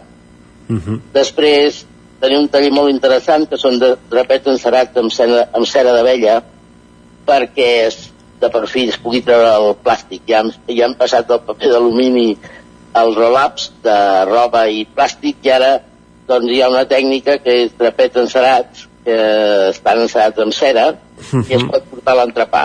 És per, per, per evitar l'ús de, de plàstics, aluminis, uh, una alternativa més sostenible, diguem-ne. Exacte. També tenim una taula rodona sobre la mort, que, que podem trobar després de la mort. Eh, bueno, contes, tallers d'elaboració de formatge vegà, mm, no sé, xerrada del com fer un jardí medicinal a casa teva, després fem bijuteria de paper, perquè, bueno, eh, crec que és, és, és maco fer coses també innovadores, no? Mhm. Toqueu diferents, diferents pals, veig, no? Que no és només per saludable de, del cos, de, ten, toqueu des de la dieta sana, també de de, també de la ment i també de, de, de sostenibilitat en el planeta, no? El que dèiem Exacte, de, exacte, reciclar. De, de reciclar, residu zero, uh, hi ha, hi ha aquest, aquest ventall de possibilitats. Correcte. Fem una, una masterclass de body art, que ara està molt, molt, molt de moda, que, bueno, eh, és moure tot el cos amb harmonia, també. Molt bé. i a la tarda continueu amb, amb més activitats, són tallers? Amb tot això, després diumenge al matí també tenim tallers de risoteràpia, també tenim una xerrada de reflexo, tenim un espectacle infantil i bueno, tenim moltíssimes xerrades i tallers Uh -huh. i a part d'això, en el centre cívic tenim un tastet de teràpies, uh -huh. en la que fem quiromassatge, refluxologia, reiki, teràpia biodinàmica, eh, geometria sagrada, bueno, etc etc. Uh -huh. Venen els terapeutes el, i expliquen les seves teràpies, Uh -huh. cada un la seva. A més a més també eh, hi haurà activitats a, al carrer, alguna, alguna altra activitat més enllà dels tallers? Sí, tenim un, a la nit fem una mica de concert amb el duo Pariéndola, Uh -huh. això el dissabte a la nit, i el diumenge també tenim una activitat al matí de un grup que és un taller de, infantil que és de, es diu Massa Tip, i el dissabte també tenim una altra activitat al carrer que és un, un col·laborador nostre de fa molt temps que fa, cada any fa un espectacle diferent. Uh -huh. Molt bé, i a més a més eh, durant tot el cap de setmana uh, fira de- d'entitats, en moment- d'empreses qui, qui, què hi podem trobar en aquesta 37, fira? 30, 37 en tenim aquest any 37. 10 més que l'any passat déu i ja perquè m'ha hagut de dir que no perquè no hi cabem a la plaça Uh -huh. Això serà a la, a la plaça Major de, de la Calders? plaça Major es- es queda tancada divendres a la nit i ja per tot el cap de setmana Uh -huh. I en, en aquesta fira què, què hi podrem trobar? És, de- és d'aliments? eh, És de de diferents... tot, de formatges, embotits, cosmètica, ceràmica, verdures eh, costura creativa ratafia, mel Mhm. eh, com s'enquaderna o enquadernacions vull dir, és que bijuteria mel, olis bueno, pa, ous, verdures de tot, hi ha una mica de tot són petits però això és gran Ara, ara et anava a demanar, Teresa, uh, tu amb, amb quin d'aquests tallers que, que ens anaves comentant uh, et quedaries, ens diràs, ei, aquest no, no us el perdeu. és que no et sabria dir perquè són tots fantàstics Si només poguessis anar un, quin, quin seria?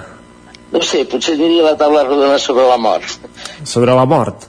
què ens podem trobar després de deixar el cos mira, Mhm. per, per curiositat eh?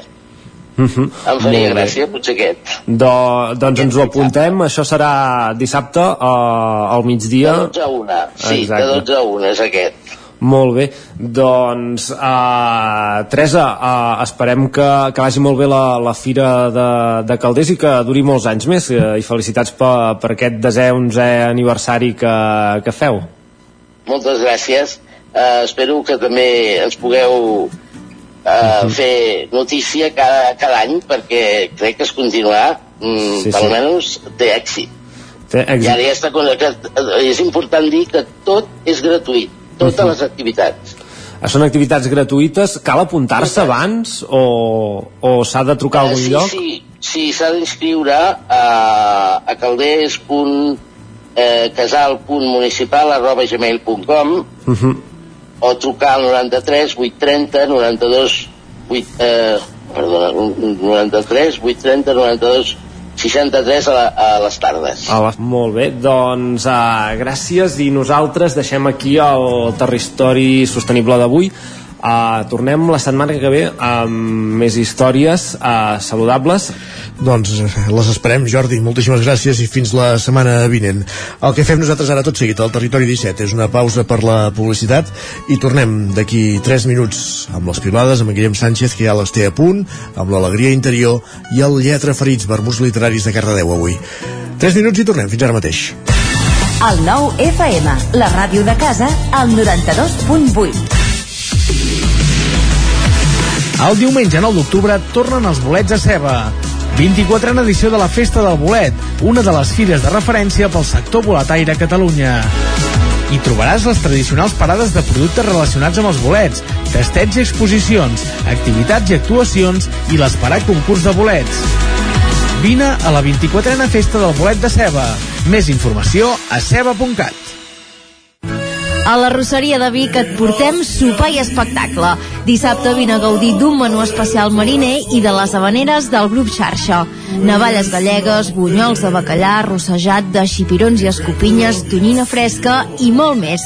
Directament des de la llotja d'Arenys de Mar a la nostra cuina. Ho trobaràs per només 45 euros el 8 d'octubre al sopar i espectacle de la Rosseria de Vic.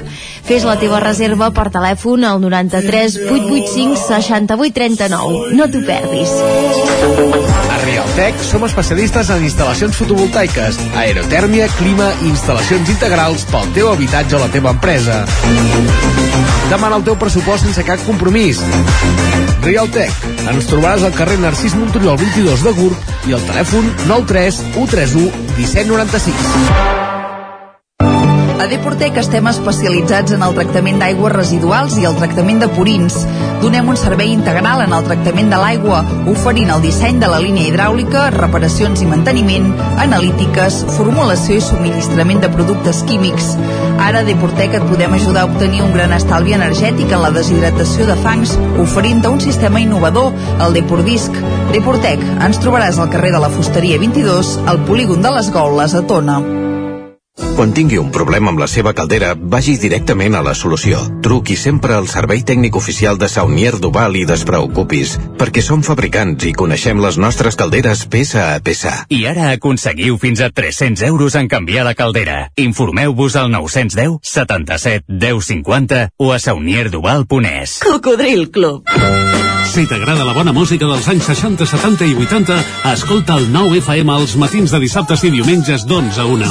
És el temps del Cocodril Club, tot un clàssic de la ràdio, amb les bases del pop-rock, les llegendes, les cançons que s'han convertit en autèntics himnes. Recorda, dissabtes i diumenges al matí, d'11 a 1, al 9 FM 92.8. Cocodril Club, el programa revival de l'Albert Malla.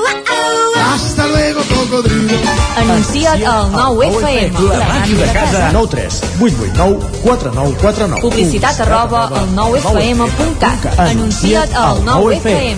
La publicitat més eficaç. El 9 FM.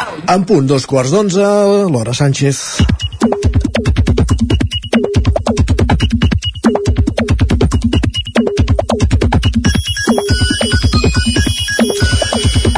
Guillem, Guillem Hora Sánchez, bon dia. Què tal? Què tal? Com estem?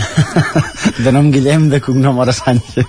Sembla bé o no? Sí, sí, vas molt, vas molt groc avui, eh? Vaig molt groc, sí, per, bueno, és l'ho- l'homenatge al col·lectiu arbitral de, Ah. de futbol, no? També, Però no eren negres els àrbits. Sí, tota la vida. Una mica negre, sí que, sí que ens tenen alguns. Vens parlant de futbol avui. Jo que no, m'havia no havia triat el tema per no fer-me mal sang. vaja. Doncs ja ho faig jo, ja ho faig jo. Va, primer de tot una recomanació d'aquesta usuària que ens diu us veig crispats pel futbol. Diu, no estigueu crispats pel, pel futbol. Bueno, hi ha gent que, Ja dit. sí, que s'ho agafa més, més a pit que, que d'altres. Bàsicament, una crispació que ve per dues accions on les mans van ser protagonistes. També ens diuen unes mans que no canvien la direcció de la pilota, mans. Unes mans que fan que la pilota canvia de direcció, no són mans. A veure com ho entens. No, no, jo no ho entenc. Xavi tampoc, només l'àrbitre. Sortirà algú a xerrar? algun responsable d'alguna cosa no ho han fet mai. no ho han fet mai però, però és que és molt gros eh? és que hi ha un bar eh, per aquí darrere sí, sí. I, i el millor del cas és que en el segon en el segon, eh, en el segon cas valgui la redundància, l'àrbitre ni tan sols s'ho va anar a mirar. Correcte. Es va, eh, va fer cas del que li deien per l'orellera. No, perquè em sembla que tenia una estrabada a la cama i no podia, ah. no podia anar fins a la, fins a la pantalla. M'agrada m'agrada molt el resum que se'n fa del partit en aquest missatge. Ens diuen lamentable partit del Barça, de l'àrbitre i del Bar. Diu, poseu amb l'ordre que vulgueu. Dimecres, però, a guanyar. Sí, això sí que... Sí. això sí que seria imprescindible. Sí, imprescindible. A d'altres usua- usuaris per això els van crispar altres coses. En Jaume ens escriu, tenim alguna jugada més que no sigui passar-la a Dembélé i que la perdi? Bé, mm, bueno, no entrarem tampoc en massa, massa més detall. Això sí, sempre ens quedarà en Ferran Juglà, que hi va tornar a fer un gran partit amb el Bruges, amb un gol i una assistència. L'Oriol ho té molt clar, ens diu, Ferran Juglà segueix sent un bon motiu per somriure. Avui gol i assistència, al final Luis Enrique haurà de viatjar a Bèlgica.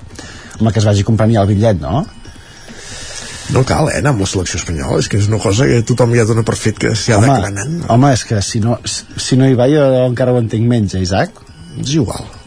Sí? És igual? No ens incumbeix aquesta qüestió. Doncs va, canviem de tema. Uh, et passa, Isaac, que en funció de quin to de mòbil escoltis, això et provoca alguna reacció o altra al cos quan vas pel carrer, quan estàs a la feina? Home, eh, Ara te n'explicaré una d'aquest estil. Vaig anar a fer uns quants dies de vacances cap a la zona cantàbrica o asturiana i amb una posada a Cantàbria la benvinguda va ser que li va sonar el mòbil al posadero jo tinc la diguem, mal pensat, eh? però que el van fer sonar dos homes que van marxar de la posada just al moment que entràvem nosaltres, allò que lleguen los catalanes i sonava l'himne d'Espanya Així del politó del mòbil Així m'agrada. La Clàudia ho va patir també ahir. Diu, gràcies, senyora, que té el to de mòbil com el busca d'urgències per provocar-me una taquicàrdia extrema tan gratuïta a les 6 de la tarda mentre anava cap a, cap a casa. El to del mòbil com què? Com el busca d'urgències. Entenc que deu treballar en algun Ah, lloc, de, en algun hospital, en algun lloc així que li sona el busca. Pobra senyora que ha de saber si aquest so és el so del busca d'urgències, mare de Déu. Ai, Ara va. que també ja tenen mal els de qui siguin de posar aquest politono, no? Si saben que... Fi, També, correcte. Va, i recordeu que ahir també vam conèixer que la gratuïtat i bonificació de rodalies i tren de mitja distància es mantindrà tot l'any que ve. La Marta té una pregunta, diu, però els trens funcionaran o no? I en Carles hi afegia, això vol dir que ja cal que ens calcem que durant tot el 2023 funcionarà com fins ara, fins ara. I el següent usuari ens eh, diu també, diu, no tinc clar si això és bo o és dolent. I parlant de trens, tota la solidaritat per a aquesta usuària. Ja, a veure, espera. va. Diu, qui ha arribat corrents a Sants i quan ha volgut entrar al tren no ha pogut perquè havia comprat els bitllets al revés? Què vols dir al revés? Qui s'ha d'esperar ara una hora i mitja perquè tots els trens estan plens? Qui ha hagut de pagar 170 euros? Qui tindrà un gran dia? Diu, no són ni les 7 del matí, macho. Carambes, Uh, va, també vaig veure un d'aquests de tuits divertits de, de, de començar malament el dia si dos te'l busco abans m'agradaria comentar-ne un altre un enfilall de, entre Jordi Vilarrodà i Xavier Tornafoc sobre, sobre la gratuïtat del tren L'he vist, vist però no l'he no, no volgut situar. D'acord, perquè aquest també trobo que Vilarrodà que és un ferm defensor de que el tren ha de funcionar, no ha de ser gratuït Correcte. i en Tornafoc dient que si ja el paguem amb els nostres impostos Sí, no- no cal tornar-lo a pagar Que no és pas gratuït, doncs. doncs el que et buscava, Ima Puigcorbé diu que estigues fent ecografies que una vaca t'empaiti i per abordar-te i que mentrestant intentes preservar el teu físic saltant la tanca et caigui el mòbil a la merda quan diu que caigui el mòbil a la merda literal. vol dir literal literal. i que ara no carregui avui compro loteria doncs també és un d'aquells dies de merda mai millor dit eh? Doncs poden quedar amb aquest usuari que com a mínim vagin a fer una cervesa i si els hi passi una mica millor l'enfadada. molt bé Guillem, Va, res més? Demà més. doncs va, de Twitter anem cap a l'alegria interior, gràcies Que vagi bé. Territori 17, el 9 FM, la veu de Sant Joan, Ona Codinenca, Ràdio Cardedeu, Territori 17.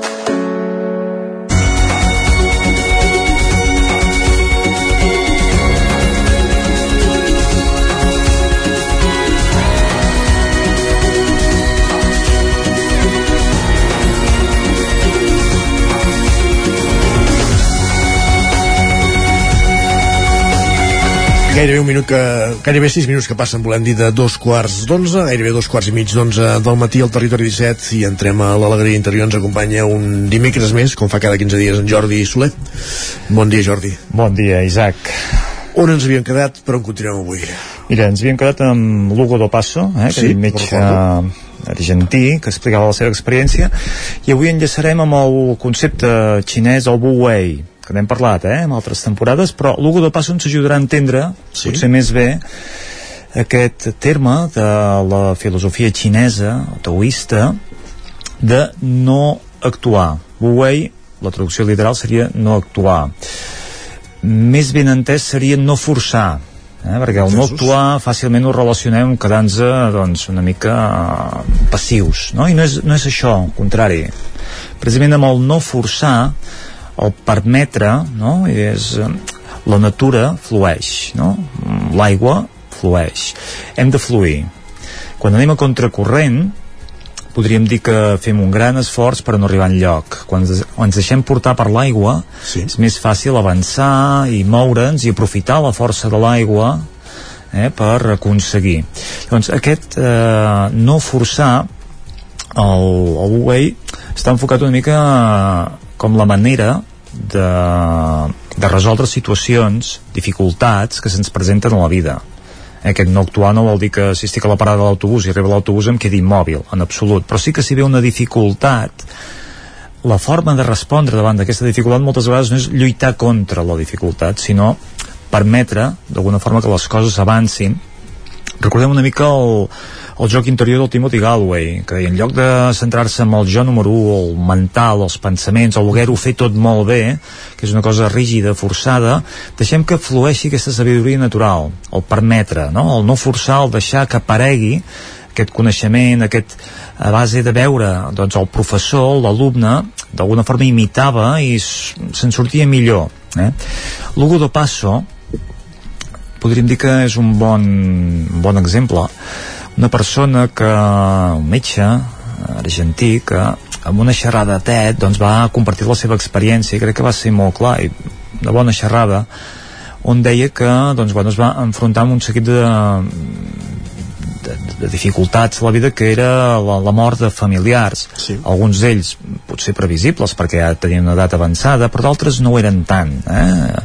membres de la família joves que, bueno, per, per accident, per malaltia, doncs marxaven i això va portar un estat de molta tristesa, a uns episodis eh, on realment es va trobar ell mateix. Eh? Vull dir que es va trobar immers en una situació que ell no controlava, que es feia unes preguntes i, i per què ha passat això, no? Aquesta persona jove que ha tingut aquesta malaltia, que no estava diguéssim, en, en, en la fase, diguéssim, de marxar i tot i així doncs s'ha marxat. I això amb ell eh, el va portar aquests, aquests episodis, diguéssim, de no trobar resposta, de tristesa profunda i en aquest viatge cap a l'interior en lloc de lluitar contra això una mica va entendre, va obrir una mica aquest, aquesta perspectiva interna i va descobrir que en aquest estat eh, no hi estava malament en un estat de tristesa profund, un estat acceptat, ell descobria una sensació nova, que és que una mica apareixia davant seu una, una situació d'autoconeixement, d'acceptació, que no era dolenta per ell i que en aquest estat era com un viatge cap a la seva part més profunda, interior, en la que també estava bé, mm -hmm. acceptant la tristesa, eh? acceptant que la situació era la que era, dic, no lluitant, no volent canviar-ho, no volent dir, doncs, no ha passat res. Sí, ha passat, i és molt greu el que ha passat, i el que ha passat, ha passat per alguna cosa, i m'ha de portar a algun lloc, i això, jo d'alguna forma, eh, ho adopto en la meva forma de viure, i faig aquestes anades i vingudes, perquè en aquest estat interior realment no hi estava malament. Vull dir que l'estat de tristesa profund, ell arribava un moment que ja ho acceptava, ho entenia, però sabia que no durava per sempre i que per tant aquests episodis eren intermitents. I quan sortia d'aquests episodis una mica va continuar amb, el, amb la filosofia Wu i dic com eh, com incorporo això a la meva vida eh? com a metge i allò que va dedicar una mica és la, la seva, el seu temps la seva professió a fer acompanyaments a la mort va entendre el que significaven aquests episodis de dir, bueno, una malaltia terminal, no? una persona desahuciada que d'alguna forma doncs, té aquesta sentència mèdica de dir sap molt greu però tens un any, tens uns mesos, uh -huh. aquesta malaltia no, no té cura i per tant aquí el, el pacient el que necessita és un acompanyament, és una ajuda.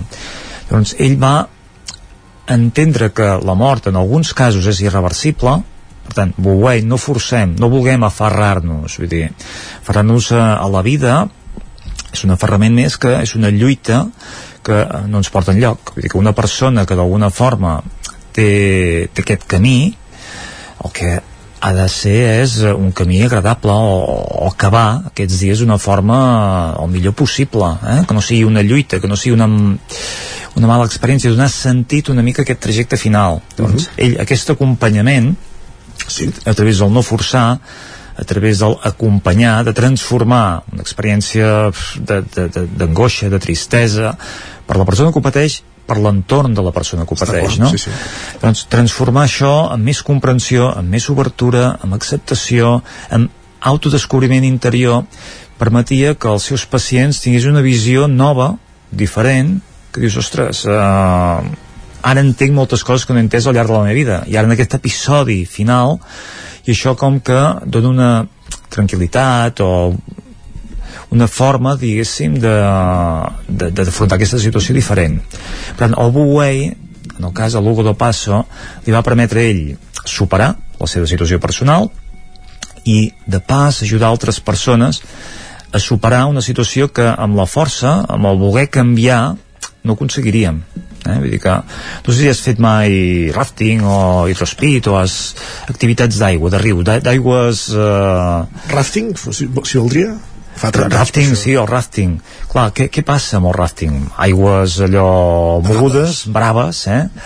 i tu no pots lluitar contra corrent, tu no pots anar allà on tu vols, no? Dius, ostres, doncs ara passaria per aquesta part del riu, no pots, l'aigua et porta, no? Uh -huh. És una bona manera de dir, puc intentar anar per allò per al lloc on a mi m'agradaria anar o simplement em deixo portar per l'aigua quan et deixes portar per l'aigua no hi ha accidents eh? podríem dir que esquives les roques veus allò situacions difícils que espanten una mica però deixar-se portar per l'aigua conduir lleugerament vull dir que sempre hi ha algú que condueix que acaba doncs corregint certs aspectes però que amb un esforç relativament petit permet que arribis a bon port no? Correcte.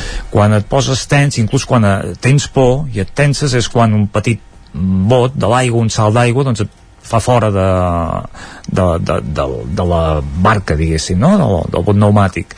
Per tant, has de fluir, t'has de deixar portar, has de tenir confiança, eh? has de no forçar una situació que per ella sola doncs ja avança, ja arribarà allà on t'hagi d'arribar. Eh? Vull dir que la, la filosofia aquesta amb arts marcials, no? que aprofitar la força de l'oponent, o sigui, el, el no enfrontar-te amb l'oponent, sinó aprofitar la seva força, et dona uns millors resultats. Jo crec que tots aquests aspectes, portats a la nostra vida, quan ens trobem situacions difícils, quan ens trobem situacions que no comprenem, que ens superen, no hi trobem una solució, deixar de lluitar, deixar de forçar i permetre que les coses succeeixin, que les coses arribin, que les coses passin, ens pot fer aquesta situació molt més portable. Vull dir que... Perfecte. Wu Wei i el concepte és el... No forçar. No forçar. Eh? No va permetre, en situacions difícils, uh -huh. no en qualsevol situació de la vida, en situacions concretes que diem aquí, la millor resposta és entendre i aplicar el Wu Wei. Correcte, que no vol dir no, ser passius per entendre'ns, eh? Això mateix. Gràcies, Jordi, una setmana més. A vosaltres. Ens retrobem d'aquí 15 dies. I tant.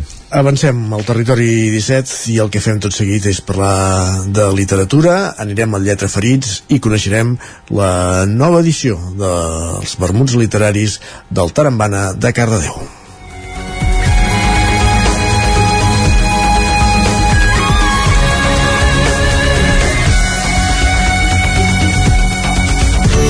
Territori 17. Envia'ns les teves notes de veu per WhatsApp al 646 079 023. 646 079 023. WhatsApp Territori 17.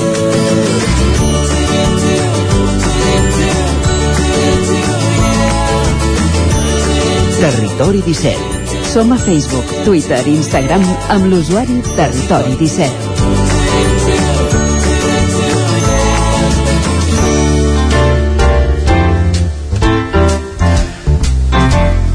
Un minut que passa de 3 quarts d'onze del matí, recte final del territori 17 d'aquest dimecres 5 d'octubre de 2022. El que fem tot seguit és endinsar-nos en la programació dels vermuts literaris, la setena edició d'aquests vermuts literaris del Tarambana de Cardedeu. Qui ens ho acosta, qui ens ho aproxima, no és cap altre que l'Òscar Muñoz, des de Ràdio Televisió Cardedeu. Aquí ja saludem. Bon dia, Òscar, benvingut. Benvinguts a un nou Lletra Ferits des de Cardedeu. Avui us portem tres propostes que hi seran dins dels vermuts literaris que s'organitzen aquí a Cardedeu, al, al Tarambana, i doncs per parlar d'aquests tres llibres i d'aquests vermuts d'aquesta setena edició tenim amb nosaltres a la periodista Clara Clavell, que és la que porta, doncs, l'encarregada de portar doncs, el, aquests, aquestes escriptores a, en aquests vermuts. Bon dia, Clara. Comencem, comencem ja directes?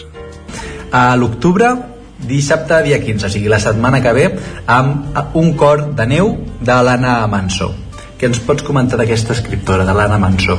Doncs, um, bueno, la conec perquè escriu articles, um, escriu articles a l'Ara amb el nom de la pitjor mare del món i, i, i bueno, la coneixia d'això, el que passa que també uh, no l'havia seguit massa més.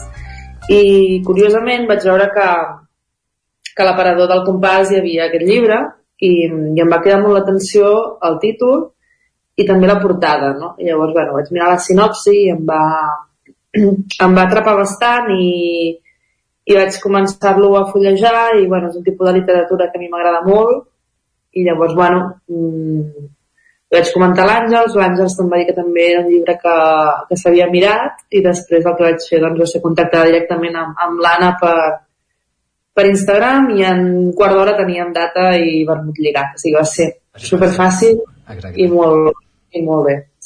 I això, el, per què et va agradar el cor de neu, a part d'això com que has, acabes de comentar, què, què és el que més t'agrada? Si pots, el que més t'agrada sí. o si et pots comentar una miqueta, recomanar per què, què, què hi té? M'agrada perquè, o sigui, primer per la, per la història, no? Perquè és una, és una dona, la Sara, que té 65 anys i viu una mica com aïllada del món. A mi aquestes històries de protagonistes femenines que viuen una mica allunyades de tot allò que passa a la ciutat o tot allò que passa on hi ha més, més moviment de gent m'interessen bastant perquè, no sé, em crida molt l'atenció també doncs, um, tot, el, tot el procés que fa la, la, la persona, no? una mica aïllada de la societat i també doncs, uh, que en aquest cas la protagonista doncs, també és una, una, dona que escriu i, i que viu al bosc. No? I llavors un dia la Sara, eh, això és molt a l'inici, vull dir que no és, no és cap spoiler, no? es perd i gràcies a un llop pot arribar a casa. Llavors, aquest llop és un personatge més i és un personatge amb el que parla. Sigui, té, té converses, tant el llop amb ella com ella amb el llop, es comuniquen, llavors em semblava molt, molt interessant no? doncs que, el, que el llop fos un protagonista més i que tingués tant pes en la història.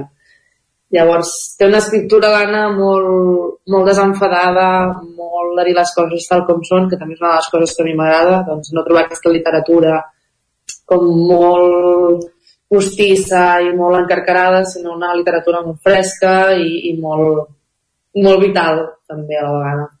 Comentaves que et va cridar l'atenció la portada, a la portada podem veure aquest eh, llop, no? Havies comentat. Sí, de fet, és, uh, és molt curiós el tema de la portada perquè, bueno, al final diuen que tot està connectat, no?, la vida, i resulta que, que qui ha fet la imatge també el conec. Ostres. El, el, el, la portada, sí, perquè justament uh, vam fer un projecte junts a, pel teatre, pel teatre, pel teatre Auditori del Novies, que va, va fer una, una imatge per la Marató de TV3 i, i clar, vaig veure l'estil i, i ja vaig pensar, hosti, aquest estil em sona, em sona més familiar. I després em va explicar l'Anna que, bueno, que sí, que era del, del Lluís Cadafalc, i em va dir que aquesta imatge ja existia, és a dir, no l'ha creat el llibre. Ella va veure la imatge i va dir, és que és la meva portada, perquè hi ha dos cares, hi ha un llop i, i, i, i ja està. I ho va veure i va dir, ha de ser la portada de, de la meva novel·la. I van així. Va ser tot casualitat d'una imatge que ja, que ja estava, que ja estava creada és curiosa, però eh, això com comentaves, també a mi em sembla com un cor així estrany, no sé, les dues cares que, bueno, no sé si... Sí, sí, sí, em pots fer moltes lectures, la gràcia de que no està tot allò mastegat, no?, i, hi ha les dues faccions, hi ha aquest vermell intens i, i la figura del llop i bueno, sí, sí, la veritat és que ha fet a mida, eh? jo crec que si l'hagués encarregat potser no hagués sigut tan, tan perfecte.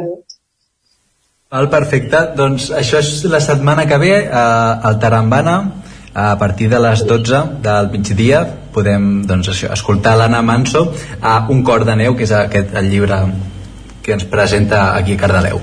Seguim, perquè ens queden dos llibres més. El 12 de novembre eh, arribarà bueno, la Laia Aguilar i es presentarà Les altres, mane eh, les altres mares. Eh, sí, què ens pots comentar d'aquest llibre? Doncs Les altres mares és un llibre que, que parla de, de maternitats, però no, de maternitats potser diguem diferents a les que estem acostumats a, a veure, no? uh, des d'una noia que, que neix amb el fill uh, ja mort a, a altres maternitats. Són diferents històries d'aquestes dones. I em feia molta, em feia molta il·lusió portar la Laia, perquè la Laia la conec de fa un temps, la conec de l'anterior novel·la, Pluja d'estels, en què um, vam estar a punt de fer un vermut, però al final uh, no el vam acabar programant, però sí que vam fer un club de lectura a, a Marata i va venir ella i, bueno, i vam estar comentant el llibre i, i ja, que ens vam conèixer. La Laia és una persona... Mm, a mi m'agrada molt com escriu, també és una persona que escriu de manera molt, molt planera, d'una manera molt directa i, i com a persona a mi la Laia m'agrada molt, és una persona molt, molt alegre, molt, molt vital i, i molt propera, no? I em semblava, doncs, que, que havia, havia de tenir un espai també en aquesta, en aquesta edició. I, i justament una altra casualitat de la vida resulta que l'Anna i la Laia són molt, molt, molt amigues. I llavors doncs mira, doble il·lusió també per elles compartir el mateix cartell Perfecte. I amb el Marc Giró es coneixen o això ja no... això ja seria un, un trio potser no es coneixen, no? Amb el... El Marc amb elles no ho sé, jo Marc no, no, no hi he parlat directament, ha sigut a través de l'editorial, però no ho sé si entre ells, si es coneixen o no. No ho sé, ja... Era més que res per, per, per filar l'últim vermut d'aquesta edició que serà al desembre. O sigui, després del cor de neu i les altres mares arribarà encara més pijos de, del Marc Giró. Aquest potser sí que com a personatge públic no és més conegut. Què, què ens pot dir aquest llibre encara més pijos? Que és com una guia pràctica no? Bé, al final eh, més que el llibre em feia molta il·lusió que vingués al Marc Cardedeu perquè és una persona que a mi em fa riure moltíssim. I, i té un humor mm, tan tan àcid que bueno, a mi m'ha arribat a fer plorar de riure perquè mm, no sé, és, és un humor molt particular no podria dir que és un humor mm, Marc Giró gairebé, té la marca pròpia. Llavors um, va fer un primer llibre que es deia Pijos i ara doncs um, ha fet aquesta, no sé si podríem dir segona part o continuació, que es diu encara més pijos, i llavors, eh, bueno, doncs com ell, està escrit en clau d'humor, explica doncs, totes les coses que fan els pijos i d'una manera doncs se'n burla, no? Una mica amb, amb, amb carinyo, no? Però també hi arriba hi ha coses que també les arriba com a ridiculitzar i és, i és graciós, no? De la manera que ho explica. En el seu to habitual, que, que hem vist a, a la tele o l'hem escoltat per la ràdio. No? I, I bé, em semblava això interessant poder acabar amb ell aquest primer trimestre, també al desembre, que és un mes doncs, que estem tots allò esperant el Nadal i bueno, doncs em semblava allò que era, que era molt, molt idoni que, que ell pogués tancar aquest any, no? els vermuts literaris, al final és també tot l'any 22. Doncs ja, ja ho tenim per aquí. Eh, Clara, moltes gràcies per estar aquí al Territori 17 i també doncs, per organitzar aquests vermuts literaris que ja saps que cada trimestre que es facin aquestes edicions dels vermuts doncs si et podem tenir aquí explicant què ens portaràs doncs molt millor. Així que això, moltes gràcies per apropar-nos a aquests llibres i això, a tothom que vulgui eh, doncs, saber una miqueta més d'aquestes autores o d'aquests llibres que es vagin a, a Instagram també no, dels vermuts literaris que allà doncs, posem tota la informació eh, moltes sí. gràcies Clara a vosaltres, que vagi molt bé Gràcies, tu també, Òscar. Fins aquí eh, aquests vermuts literaris que es poden trobar al Tarambana de Cardedeu. N'hem conegut els propers que es faran de la mà de l'Òscar Muñoz, el Lletra Ferits d'avui, dimecres 5 d'octubre de 2022.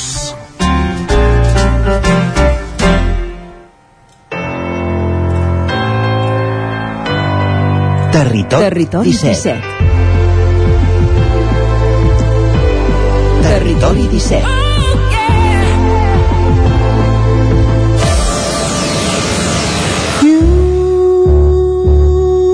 I acabarem el, programa d'avui amb música, amb la música d'un artista que aquest diumenge actua a Vic, ni més ni menys que a la Jazz Cava. Estem parlant d'Eri Xenó, eh, un concert que es farà diumenge, com dèiem, 9 d'octubre a les 7 de la tarda a la Jazz Cava de Vic. Amb aquesta cançó arribarem fins a la fi del territori 17 d'aquest dimecres. and show me the love in my cries. Oh, shall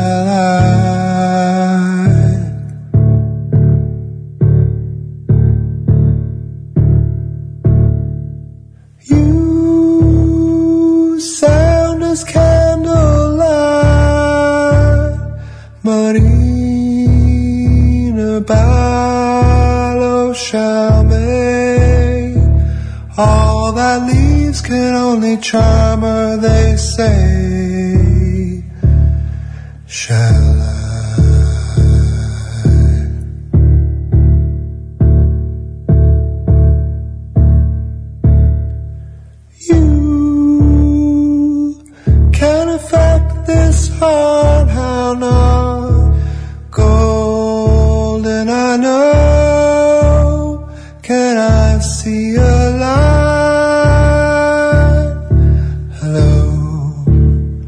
shall I? Hello and why? Hello, How and Hey, la peça d'Eric Xenó que estem escoltant acabar el Territori 17, un artista que, com dèiem, diumenge serà a la Jazz Cava de Vic. Punt i final al Territori 17 d'avui, dimecres 5 d'octubre, un programa que començàvem a les 9 del matí, en el qual us hem acompanyat Pepa Costa, Júlia Danés, Isaac Muntades, Caral Campàs, Jordi Givert, Guillem Sánchez, Jordi Sol- Solem, Òscar Muñoz, Sergi Vives i Isaac Moreno. Tornarem demà amb més coses, amb més històries, aquí a la vostra sintonia, la del Territori 17. Fins aleshores, molt bon dimecres, gràcies per ser-hi i fins demà.